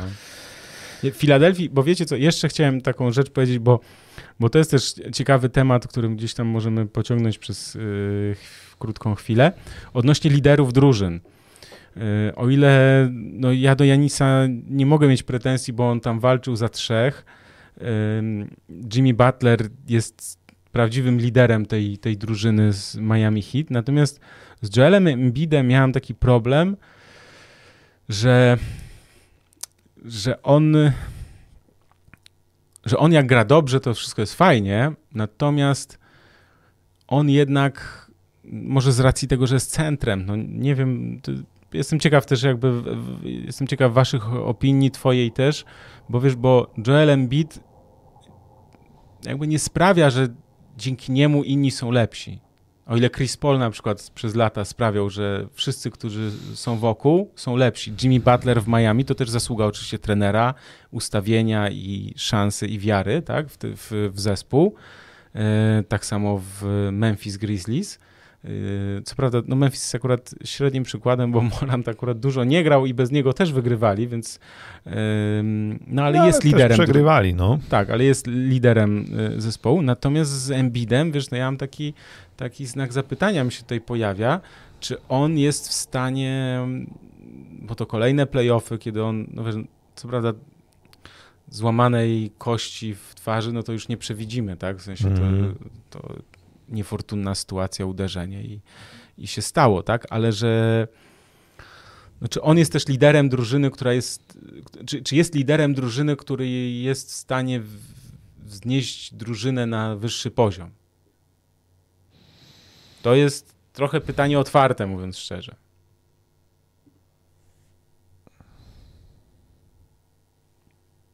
Myślę nad mądrą odpowiedzią. Znaczy, wydaje mi się, że akurat w przypadku Embida generalnie nad całą jego, jego karierą e, gdzieś tam wiszą kontuzje i one na pewno miały wpływ. Myślę sobie tak a propos centrów o Nikoli Jokiciu, czyli drugi raz z rzędu MVP. On na pewno Nie... sprawia, że wszyscy są lepsi. Tak, ale też musisz mieć drużynę e, konkurencyjną, mogącą ci pomóc w walce o mistrzostwo, bo mimo wszystko możesz być liderem, możesz sprawiać, że inni są lepsi, ale pewnego pułapu nie przeskoczysz, jak nie masz z kim grać. No, tak. e, no tam oczywiście kontuzje e, też, prawda, w Denver Miejmy nadzieję, w przyszłym sezonie będzie, będzie lepiej. E, natomiast no tak wydaje, oczywiście no pewnie łatwiej być liderem też z takiego punktu widzenia jak wygląda gra w koszykówkę, będąc nazwijmy to rozgrywającym, czy gościem tam z obwodu, bo to teraz też się zaciera tak na jakiej pozycji gra Luka Doncic, Jimmy Butler. E, masz, mam wrażenie, większy wpływ na grę, chociaż być może Nikola Jokic jest tego zaprzeczeniem i ten wpływ na grę też ma no, całkiem... No, jak się zagiąłem, wymyśliłem to pytanie na poczekaniu, a proszę bardzo. Powiem ci, no, ale też to jest piękne, bo się koszykówka jak się zmienia, tak? Jak dzisiaj mówimy o tym, że Nikola Jokic może e, tak naprawdę kreować grę e, jako center, więc, więc to też jest niesamowite, coś co, nie wiem, 20 lat temu to, mm, to w ogóle nie do pomyślenia. No, to, to, prawda, to prawda. Ale wiesz co, ja też jeszcze dobre komentarze, bo Filadelfia znana jest z rzucania zawodników pod autobus. To Sylwester Kurcoń. Po... No tak, tak, tak, tak, tak. No. Gniewko pisze, że lubi Joela, ale jak, jak gra, natomiast jak zaczyna narzekać i pyskować, to wychodzi z niego to, co najgorsze. No, tak można, można mieć takie wrażenie, powiem od razu. No, więc jakby... Tak, o Zajonie jest pytanie. Yy, pyta, Filip napisał, o Zaj rozumiem, że to Zajon jest yy, nazwany że tam w ten body sposób. shaming w yy, określeniu. Tak, ale to już zostawmy Zajona, bo, bo już w każdym odcinku mówimy o Zajonie. No, więc... mówiliśmy, w tej chwili jakby wrócił, jakby go wpasować do Nowego Orleanu, to naprawdę mogłoby to fajnie wyglądać. To jest ten scenariusz bardzo pozytywny dla Pelicans, a negatywnych scenariuszy przy Zajonie jest mnóstwo innych, więc... No tak, chwila musi zmienić trenera, no to wiemy, że Doc Rivers no moim faworytem nie jest od lat. Krzysiek gdzieś miał gdzieś, miał gdzieś w niego wiarę przy, w pewnym momencie, Słuchaj, ale chyba zrewidowałeś. Ja miałem też wiarę kiedyś w Wigginsa, ile razy jak go do fantazy wybierałem i mm. czekałem, aż ta Minnesota odpali z Wigginsem. No i się nie doczekałem, a tu proszę, więc spokojnie. Nie, Doca Riversa ja ja, moim zdaniem Doc Rivers to był dobrym trenerem dla Los Angeles Lakers, bo to jest taki trener właśnie, który ci, wiesz, yy, on jest takim no, coachem, takim, fantastą. Ci powie ci, wiesz, wszystko ci pięknie powie. Nie, że LeBron by go tam zjadł. Mm. Zamordowałby go w szatni po jakimś nie, meczu, gdzie nie zareagował w odpowiedni sposób, wiesz. No jest to człowiek, który zdecydowanie lepiej wygląda mm, nie wiem, w mediach, czy jakby jest w stanie się sprzedać, niż pewnie rzeczywiście y, jest trenerem, patrząc na jego wyniki. No ale y, cóż, bywa. Ja mam jeszcze takie pytanie też otwarte i to dzisiaj mi taka myśl towarzyszyła. Mm, I to jest też, bo wszyscy się zachwycamy y, Butlerem, Luką, y, Golden State Warriors, ale ja się zacząłem zastanawiać, czy nie jest trochę tak, że Golden State Warriors, no bo chyba Golden State Warriors są faworytami, tak, do mistrzostwa, tak, oceniając Moim zdaniem Boston, nie, no ale. Nie, ale twoim, mówimy, dobrze, ale to twój dobra, typ no. zostawiam, ale taki ogólny nazwijmy to, nie wiem, czy w, w zakładach bukmacherskich, jak no, eksperci gdzieś tam najwyżej, jak się wyciągnie jakąś średnią, to myślę, że chodzi o Golden State Warriors, bo jednak oni byli tam, w sensie, wiesz, w finałach wielokrotnie, dynastia przecież zbudowana i tak dalej, i tak dalej. Ale ja się zacząłem zastanawiać, czy tegoroczni Golden State Warriors, tych, których teraz oglądamy, nie są silni słabością innych, a raczej też nieobecnością innych. Bo ja, No, oczywiście, że tak. ja sobie tak szybko z głowy wypisałem zawodników, zawodników, Mhm. którzy przez ostatnie lata, czy w ostatnich latach byli no, mocno w playoffach, nie wiem, no, dominowali w playoffach i teraz ich nie ma, bo nie mamy Kawaja Leonarda, więc wiesz, wróci Kawhi Leonard i Clippers będą w gronie faworytów yy, na zachodzie. Jamala Mareya nie było w, w Denver Nuggets, to też bardzo duża Mhm. różnica. Musimy też pamiętać o tym, że zniknęli nam z radarów Portland, Portland Trail Blazers, bo oddali McCalluma, Lillard kontuzjowany. Tu mówię, wiesz, o zawodnikach, którzy mieli w ostatnich latach ogromne, e, ogromny udział w, w playoffach, tak? Morant był kontuzjowany w teraz w tej serii, więc jakby to też widzieliśmy. Nie ma Lebrona, którego drużyna nawet nie awansowała. Słaby zespół Kevina Duranta i też nieobecność Bena Simonsa i part-time player Kyrie Irving i tak dalej. Janis bez Middletona, więc wiesz, więc jakby za rok, mówię, wiesz, że w, przy, w przyszłym sezonie, to te drużyny, które teraz są w tej czwórce, to wiesz, będzie dużo więcej zespołów aspirujących do tego Mhm. wysokiego miejsca i i czy Golden State Warriors, no taka jest moja gdzieś, nazwijmy to jakaś taka obserwacja, że to jednak nie są ci Golden State Warriors przed Nie, no na kilku lat. pewno nie. W sensie, Znaczy- że ja rozumiem, że Pool się rozwinął bardzo i tak dalej, ale Clay Thompson jest już innym zawodnikiem. Steph Curry też już, no, no może się okazać jeszcze, mo, ale to też jest jakby inna obrona, inni rywale i tak dalej, nie? Ale że taką mam, Ale to w ogóle też inny skład, wiesz, tamten no, z Kevinem Durantem przede wszystkim, no jakby, No nie, tak. nie, wiesz, no to, to nie, wiesz, Wiggins z całym szacunkiem to... Ale zobacz, że po Nie odejściu. Lebrona z, po odejściu Lebrona ze wschodu, to na wschodzie takie bezkrólewie, bo Toronto, dobra, wyrwali Mhm. raz, ale potem wiemy jak było. Milwaukee, no przez lata byli w czołówce, ale na razie tylko jedno mistrzostwo. Że to bezkrólewie było na wschodzie i teraz trochę też takie panuje mm, nie wiem, czy można tak powiedzieć, że bezkrólewie na zachodzie, bo wydawało nam się, że Phoenix przejmują ten zachód, nie? A tymczasem Phoenix... Nie, to właśnie mamy w ostatnich, e, bo tak, ten, ten sezon Phoenix Suns, poprzedni sezon zasadniczy Utah Jazz, e, które No zagrało fenomenalne, później playoffy Klapa. E, i, no ale wydawało się, że mają gotową drużynę do tego, żeby spróbować jeszcze raz, tak? E, nic z tego. E, więc e, no brakuje, ale to też ma swoje plusy. Może czekamy na tego nowego króla. Może Luka Doncic przy wzmocnionym e, e, Dallas Mavericks przy, przy wzmocnionej drużynie to jest ten gość, no na pewno ma cechy wszystkie potrzebne, żeby e, dominować w lidze i być MVP, i być kolejną wielką gwiazdą. To, to na bank. Może Jason Tatum, Boston Celtics jeszcze no powiedzmy troszkę uzupełnić tam i myślę, że cały czas to się będzie działo i, i wiesz, w Bostonie niesamowite tradycje drużyna, która właściwie co rok oczekiwania są takie, że ma walczyć o najwyższe cele. No, Denver Nuggets będą wyżej na pewno z Marejem tak, i więc... Pelicans też z tego, znaczy ósmego miejsca moim zdaniem nie zajmą, będą wyżej w sensie... A wiesz, a dojdą do tego jeszcze transfery, bo wydaje mi się, że w Chicago Bulls to się będzie jeszcze dużo działo, jak przed każdym sezonem i w każdym oknie transferowym, ale też w drugą stronę, nie wiem, odejście chociażby za Kalawina jest możliwe, więc transfery nam trochę powiedzą, mm, kto się wykuruje i kto będzie zdrowy na przyszły sezon, to też da nam dużo do myślenia, ale mm, ale no tak, tutaj pisze, że y, Filip, że Wiggins w finale konferencji, a Durant ogląda soccer. No tak, ale jak porównujemy to, porównujemy do Duranta sprzed paru sezonów tego grającego w Golden State Warriors e, obecnego Wigginsa i to no nie, nie da się porównać e, tej drużyny. Znaczy Draymond Green twierdzi, że ta, która wygrała 73 mecze w sezonie zasadniczym, później przegrała finał, e, to była najlepsza drużyna w historii.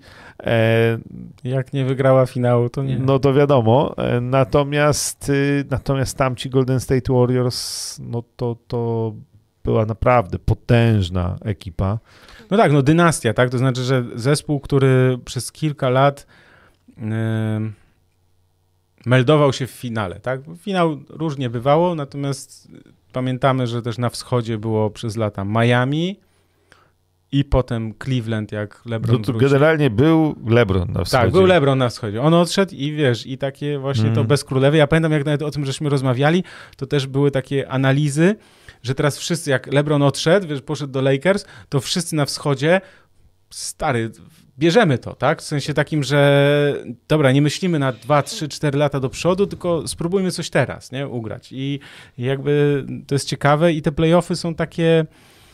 No, ja dlaczego ten temat w ogóle poruszyłem? Bo mam taki trochę niedosyt, tak? W sensie takim, że, że te największe gwiazdy, po, pra, dużo z nich po prostu wypadło i te playoffy są takie dla mnie trochę, no fajne, fajne, nie za fajne.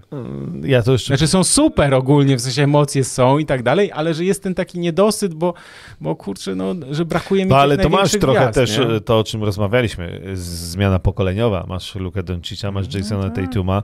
To też e, prawda. W finałach e, konferencji Golden State Warriors e, stare dziody plus tam Jordan Poole, powiedzmy, tak, dołożony. E, natomiast y, ja też tak trochę w tym temacie będąc, e, to ostatnio trafiłem na ładną grafikę. No w sumie dosyć oczywista rzecz, nie trzeba, ale ktoś to zebrał w jednym miejscu. E, największych kontraktów w przyszłym sezonie. No i stary, no i Tam, wiem, widziałem. No. Steph Curry y, będzie najlepiej opłacanym zawodnikiem, 48 baniek za przyszły sezon, ok, natomiast ta, na drugim miejscu jest John Wall, który w ogóle nie gra. Na trzecim miejscu jest James Harden, który skompromitował Musi się w podjąć opcję zawodnika, żeby mieć tą e, mieć 147 tak, baniek. Tak. Na czwartym miejscu jest Russell Westbrook, wiadomo. Na, yy, tak, na Zosta piątym zostawmy, miejscu zostawmy jest Kevin. Durant, do, który pewnie będzie chciał wrócić, ale to też wcale nie będzie takie łatwe.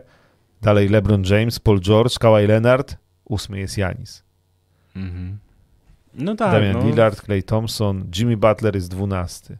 Wiesz, to też warto obserwować też taką rzecz, jak, jak, powstają, jak się budują drużyny, tak? To znaczy, że kiedy jakaś drużyna osiąga pewien status, nazwijmy to takiej mocnej ekipy, to tam wielu zawodników, tych takich yy,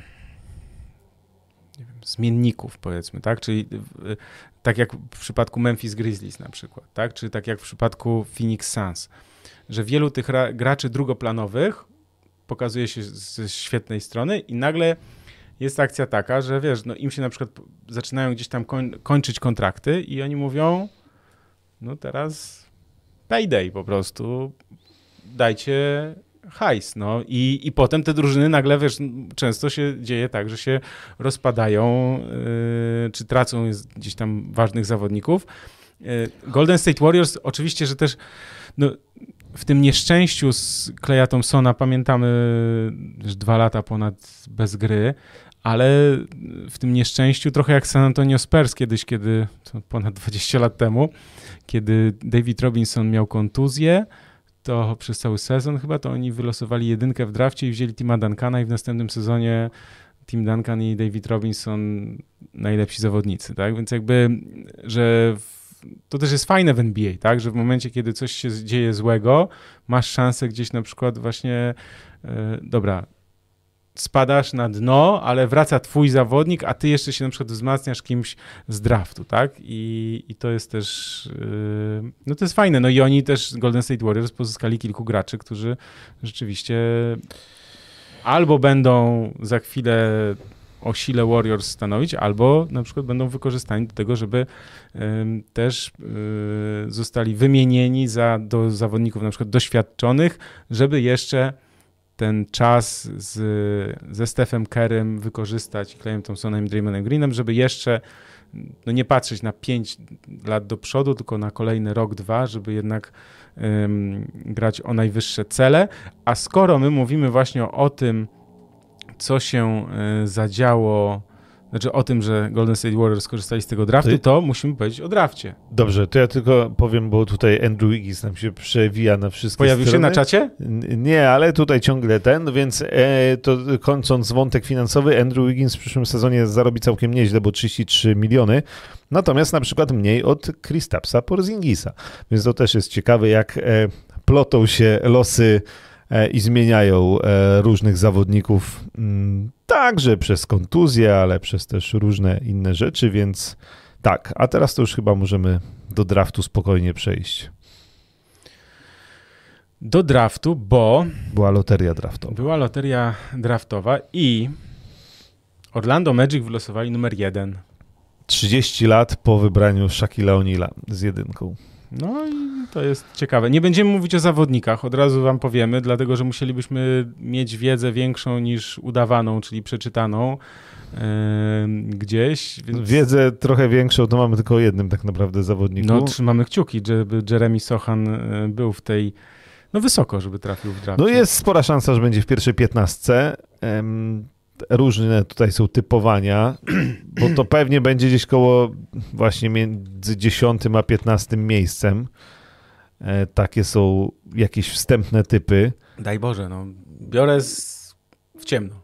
Tak, no jest tu parę na 13 miejscu Charlotte powiemy, Hornets, Może powiemy o tej kolejności, Oklahoma. bo może nie wszyscy mm -hmm. to śledzą. Orlando Magic numer 1, Oklahoma City Thunder numer 2, numer 3 Houston Rockets, Czwarty numer Sacramento Kings. Tam nie schrzancie tego, bo ja pójść. tam pojadę i po prostu zrobię zamieszanie.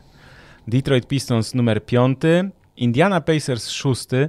Szkoda mi Portland Trail Blazers, bo oni dopiero siódmy numer wylosowali. Szkoda, dlatego że no, strasznie lubię Damiana Lillarda, nie tylko jako zawodnika, ale też właśnie no, tak jak w przypadku trochę Chrisa Pola, że wszyscy chcieli, że, no żeby on jeszcze to mistrzostwo zdobył na to zwieńczenie kariery i tak dalej, to ja tak mam taki sentyment do Lillarda, no bo go też go doceniam za, za jego zaangażowanie i tą no to, że się trzyma tego klubu i, i stara się zrobić z nim, osiągnąć z nim jak najwięcej, a nie, że foch i wytransferujcie mnie, tak? Z numerem ósmym Los Angeles Lakers, którzy oddają swój numer do Nowego Orleanu. Tam w Nowym Orleanie liczono jednak na troszkę wyższy, mm. ale to też spokojnie. San Antonio Spurs numer 9, Washington Wizards numer 10 i słuchaj, jak nie idzie, to nie idzie. Po prostu zawsze wiatr w oczy. New York Knicks numer 11 a mogli kilka co najmniej wyżej. Mm. Nie? 12 Oklahoma City Thunder to od Clippers i 13 numer Charlotte Hornets, 14 Cleveland Cavaliers. Yy, największe szanse na, na jedynkę mieli Houston, Orlando i Detroit, nie? czyli 14% y, szans mieli miały te trzy drużyny, no i widzimy, że o ile Orlando 1, Houston 3, to Detroit Pistons dopiero numer 5, ale Wiesz, jak sobie przypomnimy, nie wiem, czy teraz są tacy zawodnicy ewidentnie na jedynkę, tak zwani, wiesz, game changerzy, ale chyba nie. Jak, jak Zion? Jak, nie wiem, no wiesz, że tak, takie nastawienie, no wiem, tak, wiem, że tak. Zion, tak. LeBron, wiem, LeBron Shaquille O'Neal, Chris tak, Webber, Tim Duncan, tak, więc jakby, że chyba tak, aż tak dobrze nie jest, więc tu tym bardziej potrzebny jest dobry scouting, bo to... Mm, też jest niesamowite to, że to musimy sobie kiedyś też w ogóle o tym odcinek zrobić cały, żeby taką zabawę zrobić, żeby prześledzić kilka draftów, żeby zobaczyć, zresztą o tym co, co, co kilka odcinków, co kilka mm -hmm. spotkań o tym wspominamy, bo mnie to, mnie to niesamowicie też ciekawi, fascynuje wręcz, że wiesz, tam sztab ludzi pracuje nad tym doborem, wyborem tych zawodników. Nie? Oni rozmawiają z rodzinami.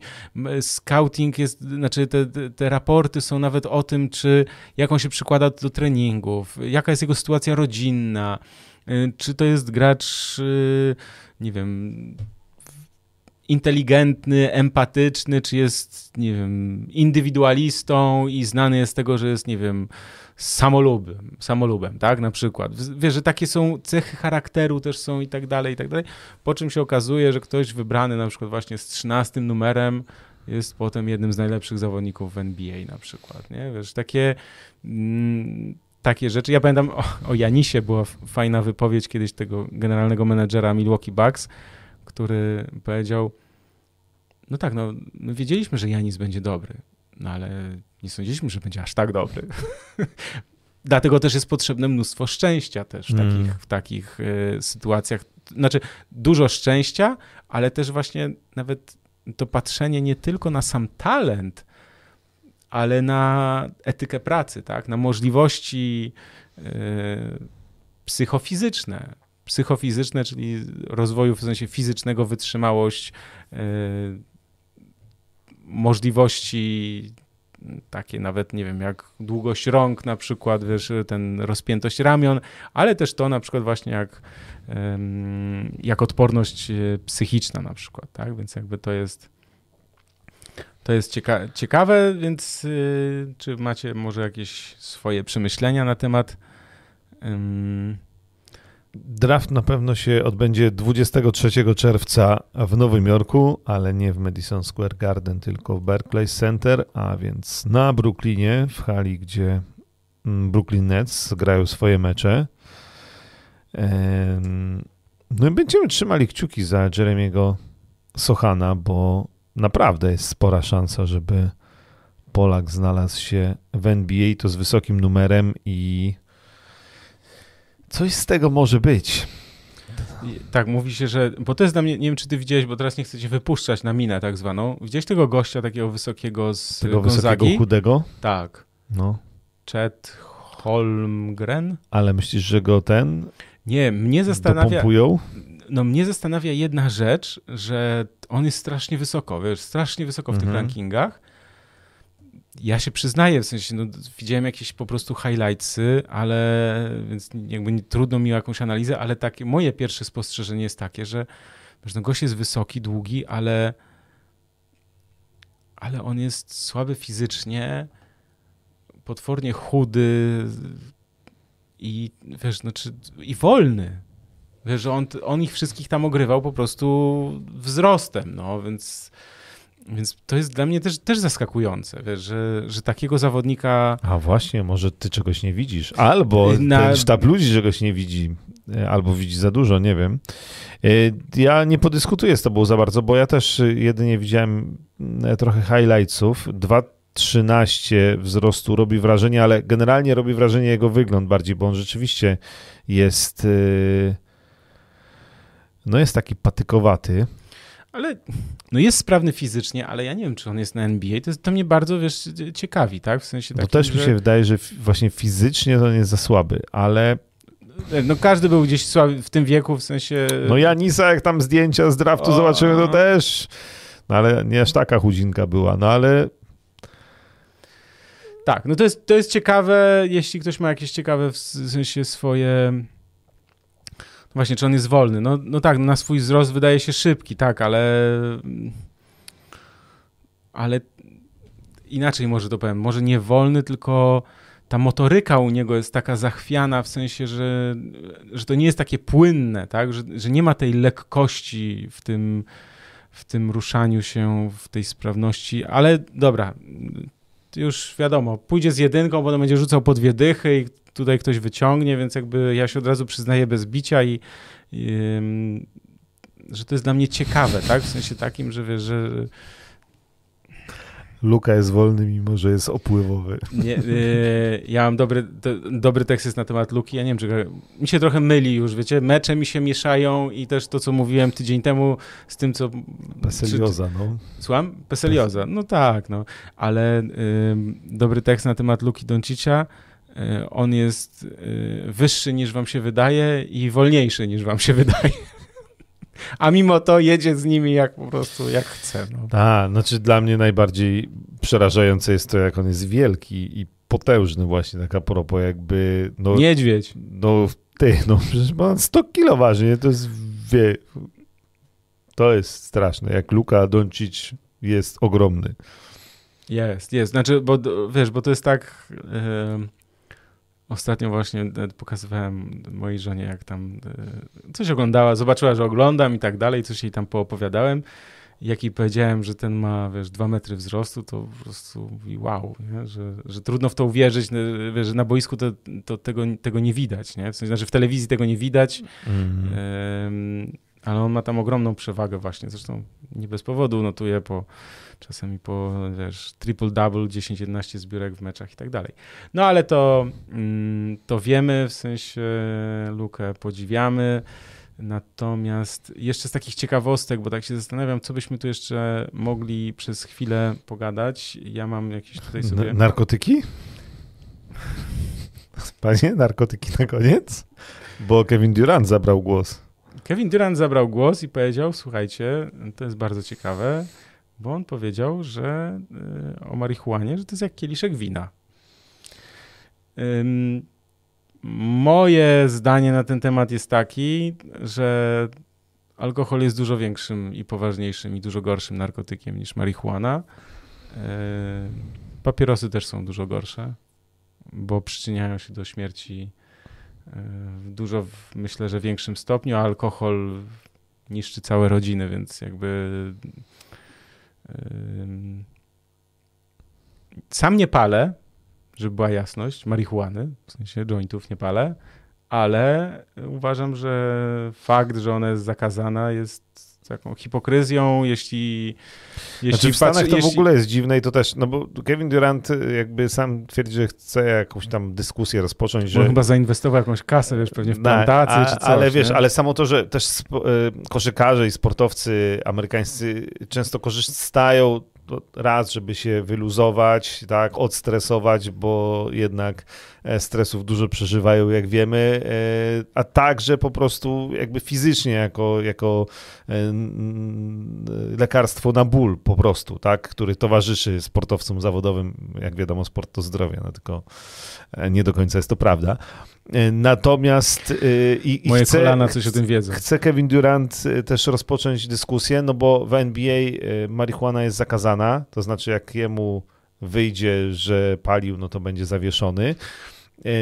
Natomiast w Stanach Zjednoczonych jeszcze jest o tyle dziwna sytuacja, że w niektórych stanach mm.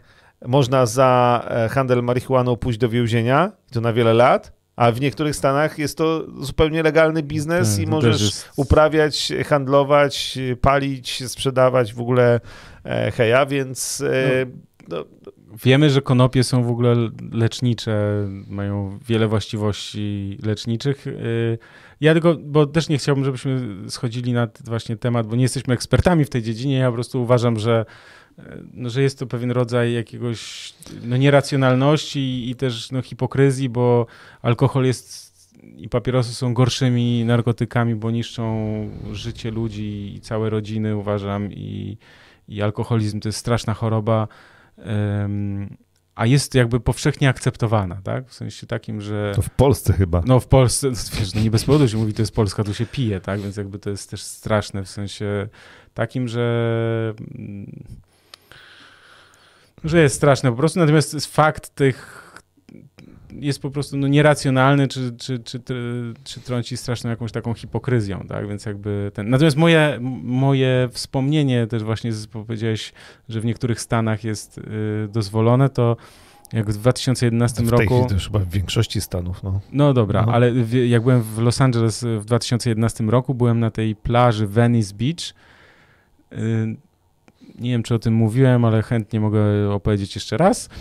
Yy, jedyne miejsce, jak sobie sięgam pamięcią, jedna, jedyne miejsce, jedyny czas, jedna sytuacja, kiedy przez, nie wiem, z ostatnich 10 albo 15 lat, kiedy, kiedy ja się poczułem niepewnie i nazwijmy to zagrożony, w takim stanie, w takiej dużej niepewności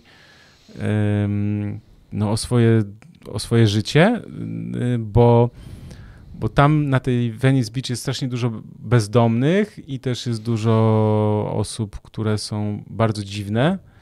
I wiesz, tam od razu do mnie podeszło, co trzy metry podchodził gość i pytał, czy, czy wiesz, czy potrzebujemy jointy, bo e, tutaj trzeba do lekarza tylko takie zaświadczenie. Tu mamy takiego lekarza, który wystawia zaświadczenie za 20 dolarów, że jest tam, wiesz, że ja potrzebuję coś tam i potem można kupować i tak dalej.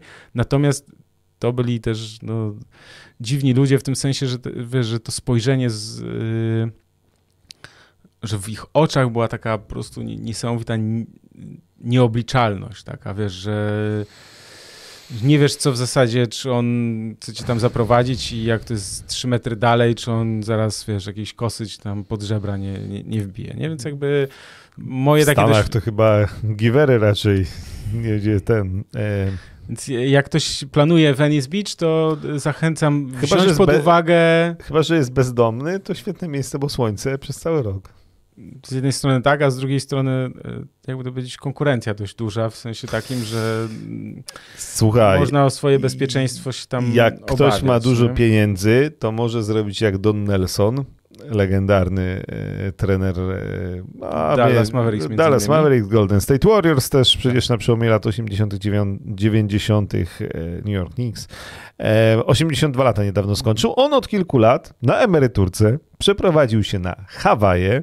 Tam sobie założył plantację konopi i sobie spokojnie e, gra. Pali. E, pali też i sobie spokojnie uprawia i sobie e, żyje dosyć powolnym trybem i poczekaj, bo to jeszcze było najlepsze to, że on sobie też, e, no właśnie, oprócz tego, że sobie, a bo jeszcze tam kawę i kwiaty hoduje, żeby nie było, że tylko wiesz, naprawdę plantacja jest naprawdę wielo wymiarowa. E, no i sobie w pokerka tam gra z e, między innymi Woodym Harrelsonem, czyli gwiazdą kiedyś Bieli nie potrafią skakać, który też tam zdaje się albo ma urodzonych morderców, pla... albo serialu Detektyw, tak. albo wielu innych filmów. Ma tam, e, chciałem tak przy koszykówce zostać. No rozumiem.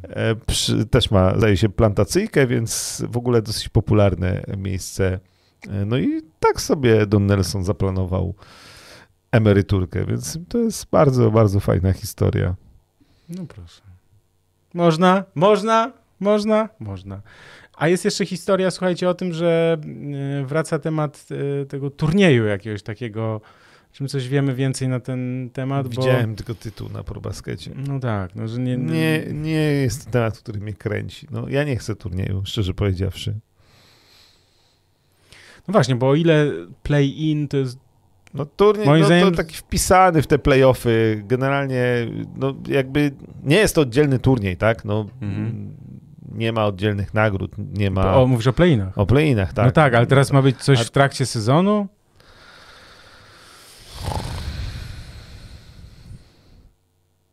Nie ja, je, jak, znaczy, znaczy ja... Rozumiem, że to jest taki jak u nas jest Puchar Polski, tak? Że taki oddzielny niby coś. No tak, tylko że w Europie Amerykanie to jest tego nie kupią. tradycja i taka od wielu lat i to się dzieje, natomiast wydaje mi się, że nie wiem, no jak dobrze sprzedasz, to może i kupią, natomiast mnie na przykład ciężko będzie do tego Zawodnicy, wiesz, przekonać. W sensie, no, no, tak, no, tam to kulturowo coś, jest, coś za wiesz, jest kult mistrzostwa. Tak, i dziwne będzie, że ale co, jakiś inny, co mamy inny? Mnie już na przykład irytuje, że na ostatnim meczu gwiazd y, były pierścienie rozdawane. No, tak. no to też już jest bez sensu. Okej, okay, już dawajmy te teraz MVP wschodu i zachodu w finałach konferencji, dobra, natomiast rozdawanie pierścieni uczestnikom meczu gwiazd to lekka profanacja, moim skromnym zdaniem, więc, yy, więc ja tutaj stoję na straży boomerstwa, turniejom mówimy Tak nie. jest, Boomers Time, oczywiście. Słuchajcie, jeszcze jest jedno ogłoszenie ostatnia runda kwalifikacji NBA 2K we wtorek 24 maja o godzinie 17 w lokalu Nines, w tym właśnie, gdzie ostatnio oglądaliśmy NBA. Jeśli, jeśli teraz dołączyły do nas osoby, które wcześniej nie oglądały, a były, to ja też chciałem jeszcze raz przypomnieć, yy, że to była świetna okazja do spotkania i mam nadzieję, że będziemy to kontynuować także w przyszłym sezonie. I też pozdrawiam wszystkich, którzy byli i którzy yy, gdzieś tam no, podeszli, zagadali i tak dalej, bo ja, ja nie podchodziłem do wszystkich, bo stwierdziłem, że no, yy, nie wiadomo, czy przyszli na pewno, z, nazwijmy to, z naszego polecenia, więc nie chciałem wychodzić przed szereg, ale dziękuję wszystkim, którzy mm, gdzieś ten kontakt y, udało nam się złapać, wymienić kilka ciekawych y, było rozmów, także dziękuję i pozdrawiam. A tu wrzucam informację na czat. Mm, to jest y, link do wydarzenia na Facebooku o tym, o tym turnieju 2K, NBA 2K. Także, tak jak mówiłem, we wtorek 24 jest jeszcze ostatnia runda kwalifikacyjna i tydzień później jest wielki finał. Także też, no co, polecamy. Fajna okazja do, też do spotkania, więc jak najbardziej polecamy. Krzysiu, bo y, przeszliśmy sobie, nazwijmy to, suchą stopą po tym wszystkim, co żeśmy ostatnio widzieli i zaobserwowali. I pytanie jest teraz do ciebie, czy coś jeszcze chcemy, bo mamy parę minut, bo nas tu kierownik nie będzie ścigał, wiesz, więc mamy parę minut, tak jak zawsze przy, przeciągamy, to... Ja myślę, że powinniśmy powtórzyć, że 1 czerwca spotykamy się ponownie i to będzie tak, przed... W środę. E, w, tak, w środę, 1 czerwca, przed e, finałami NBA. Eee... Czekajcie, bo czytam tu jeszcze trener roku jest jak pocałunek śmierci dla organizacji. No tak, bo tu nam się rozwinął wątek, że trenerem roku Monty Williams został i tradycyjnie jako trener roku nie wygrał mistrzostwa. E, to rzeczywiście zdarza się dosyć często. E, to mi przypomniało, że Pat Riley przecież rozstał się z Los Angeles Lakers po tym, jak po wielu, wielu latach i po wielu sukcesach i po całej erze Showtime wreszcie dostał nagrodę E, dla najlepszego trenera roku i później, zaraz później ta jego przygoda z Lakers się skończyła, a to mi przypomniało, że skończył nam się serial, prawda, pierwszy sezon. Ale ja bardzo proszę bez spoilerowania, bo ja tak jak ale tydzień ty, temu nie obejrzałem Ale ja ci powiem, zgadnij, skończył się finałem, sezon ten i zgadnij kto wygrał. Los Angeles Lakers. Brawo. Dziękuję. to był spoiler. E, no wiadomo, Lakers wygrali, nie, niech tak, e, znaczy to było oczywiście wiadome, natomiast czekam na drugi sezon, bo będzie. To jest, to, to fajne, w sensie to ja się bardzo cieszę, bo y, ja się trochę zatrzymałem w tym oglądaniu właśnie tam na, bo ile było odcinków? 10? Mm, a chyba, chyba 10, no. Tak, to tak przeważnie jest, że 10. Ja chyba na siódmym się zatrzymałem, yy, no ale to z braku czasu po prostu ze względu na to wszystko, co się dzieje, więc jakby, ale, ale zostawiam sobie HBO Max, bo ta promocja, która wtedy była, za dwie dyszki, że ona zostaje, to za dwie dychy mogę to ja, ja czekam na, na, drugi sezon. Myślę, że mm, jest na co. Pierwszy był naprawdę, naprawdę bardzo dobry, więc yy, polecamy wciąż. Jak najbardziej. Ja też y, jeszcze tutaj, co ja chciałem? Ja chciałem jeszcze tak podrzucić parę linków, bo y, troszkę oczywiście niestety, przyznaję się, ostatnio zaniedbałem newsletter, ale jakby ktoś chciał się dołączyć, ja nie, nie spamuję, w sensie nie, nie wysyłam zbyt często tych maili, ale jak czasem coś wysyłam, to myślę, że to jest wartościowe i fajne, więc zachęcam. Tutaj wrzuciłem na link, jest też w opisie. Y, słuchajcie, łapki w górę. To jest najważniejsza rzecz tak naprawdę dla nas dzisiaj też, w sensie ważna. Y, Gniewko pytał, czy będzie y, kontynuowany, to powiedziałeś, że będzie ten serial. No to jest też bardzo dobra informacja moim zdaniem, bo bo to był to jest dobry serial. Tak, to jest dobry serial. Tak po prostu. To jest dobry serial. serial. W sensie takim, wiesz, dla nas zwłaszcza, że my tych czasów jakby one nas nie dotknęły w tym sensie, że o ile Amerykanie mogą mieć, wiesz, no mają z tym problem. Nawet Mark Stein z, tak, kiedyś z New York Timesa, chyba e, dziennikarz, no też legenda tam dziennikarstwa amerykańskiego NBA, e, on napisał właśnie, wiesz, cały taki wywód, ja dostałem, subskrybuję jego newsletter i tam człowieku, tam, no elaborat po prostu, książkę mógłby napisać o tym, co tam się nie zgadza i tak dalej, i tak dalej, ale wiesz, ale my, my tego nie pamiętamy i też jakby nasi rodzice tego nie pamiętają, więc jakby nie jesteśmy też przysiągnięci tym, że coś się tu nie zgadza. Hmm.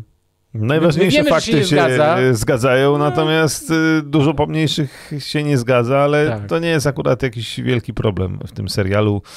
E, coś za coś. No nie jest to serial dokumentalny, jest to fabuła, trochę komedia, trochę dramat, więc... Świetne. I czesanie, ma, dywa, czesanie dywanu przez Jerego Bassa, naprawdę szacun, w sensie, tak. Yy, dobra, jest, to może no, jako ostatnie pytanie, Marcin zadał pytanie, no nie mogłoby nie być naszego podcastu, gdybyśmy nie porozmawiali o Los Angeles Lakers, więc włączam stoper, masz, gościu, masz minutę, włączam stoper yy, i możemy powiedzieć to, że Los Angeles Lakers próbowali próbowali i cały czas próbują e, znaleźć zespół i mówiliśmy w poprzednim chyba, albo dwa tygodnie temu, nie pamiętam, to by trzeba sprawdzić. E, jeśli ktoś by chciał jeszcze o Lakers więcej, to odsyłam do jednego z wcześniejszych e, podcastów, bo tam mówiliśmy o tych możliwościach, że pojawiła się gdzieś tam taka nutka nadziei dla Los Angeles Lakers, że uda im się wytransferować Westbrooka za kogoś, kto ma na przykład dłuższy kontrakt, ale jest niechciany i wtedy na przykład mówiliśmy, że Julius Randle, no zobaczymy w sensie, czy, czy, czy, to, czy Randle opuści Nowy Jork. Wydaje się, że Knicks będą chcieli go oddać. Natomiast jeśli chodzi o Westbrooka, no to Lakers szukają dla niego transferu, ale jest to bardzo trudne. On na pewno skorzysta z tej opcji zawodnika. To tam ile jest? 44? 47? Tak. Dużo. Mhm. W domu sobie policzysz, dużo ci wyjdzie, mówiąc najogólniej. I jest tak, że teraz Lakers szukają trenera i zadają takie pytanie, co byś zrobił e, do tych kandydatów na nowego trenera, żeby uruchomić Russella Westbrooka? W sensie, jakbyś to spiął Oj. z Davisem, z LeBronem i z Westbrookiem? Czyli to jest też sygnał, mhm. że Lakers biorą pod uwagę to, że tego Westbrooka nie uda się wytransferować.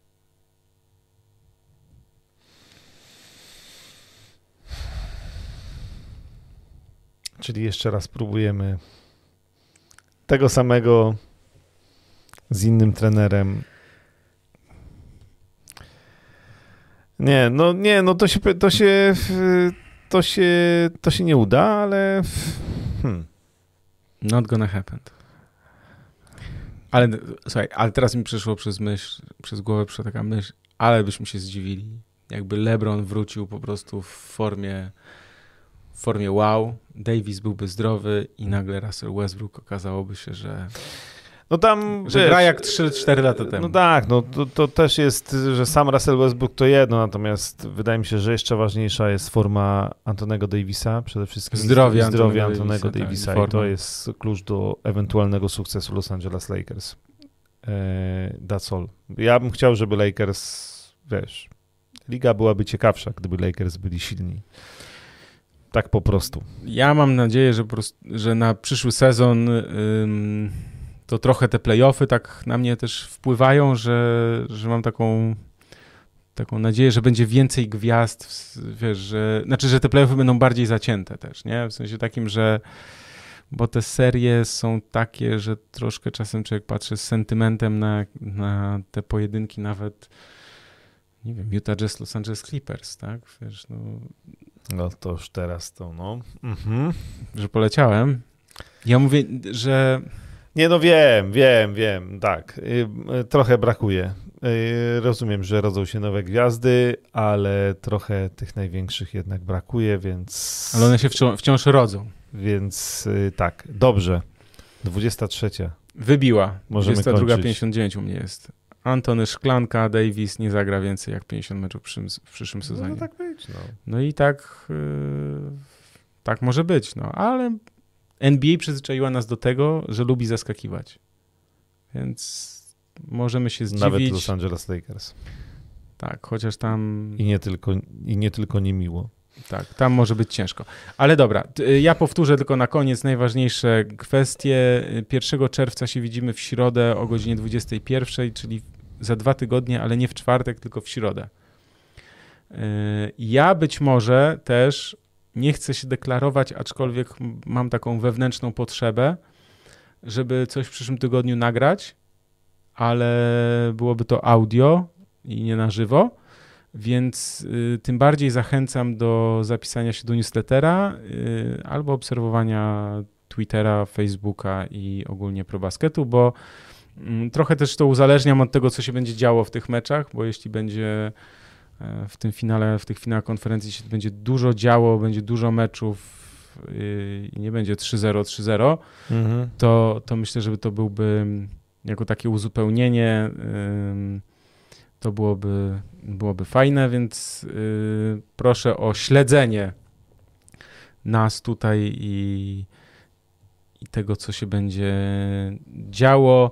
Yy, środa 1 czerwca. My tu nagrywamy w Blaszach Studio w Starych Babicach, które też polecamy. Przypominam o promocji Adidasa. Jeszcze na koniec wrzucę link na czat. Yy, jeszcze raz, jak ktoś przegapił, to polecam promocję Adidasa, żeby zerknąć, żeby sprawdzić.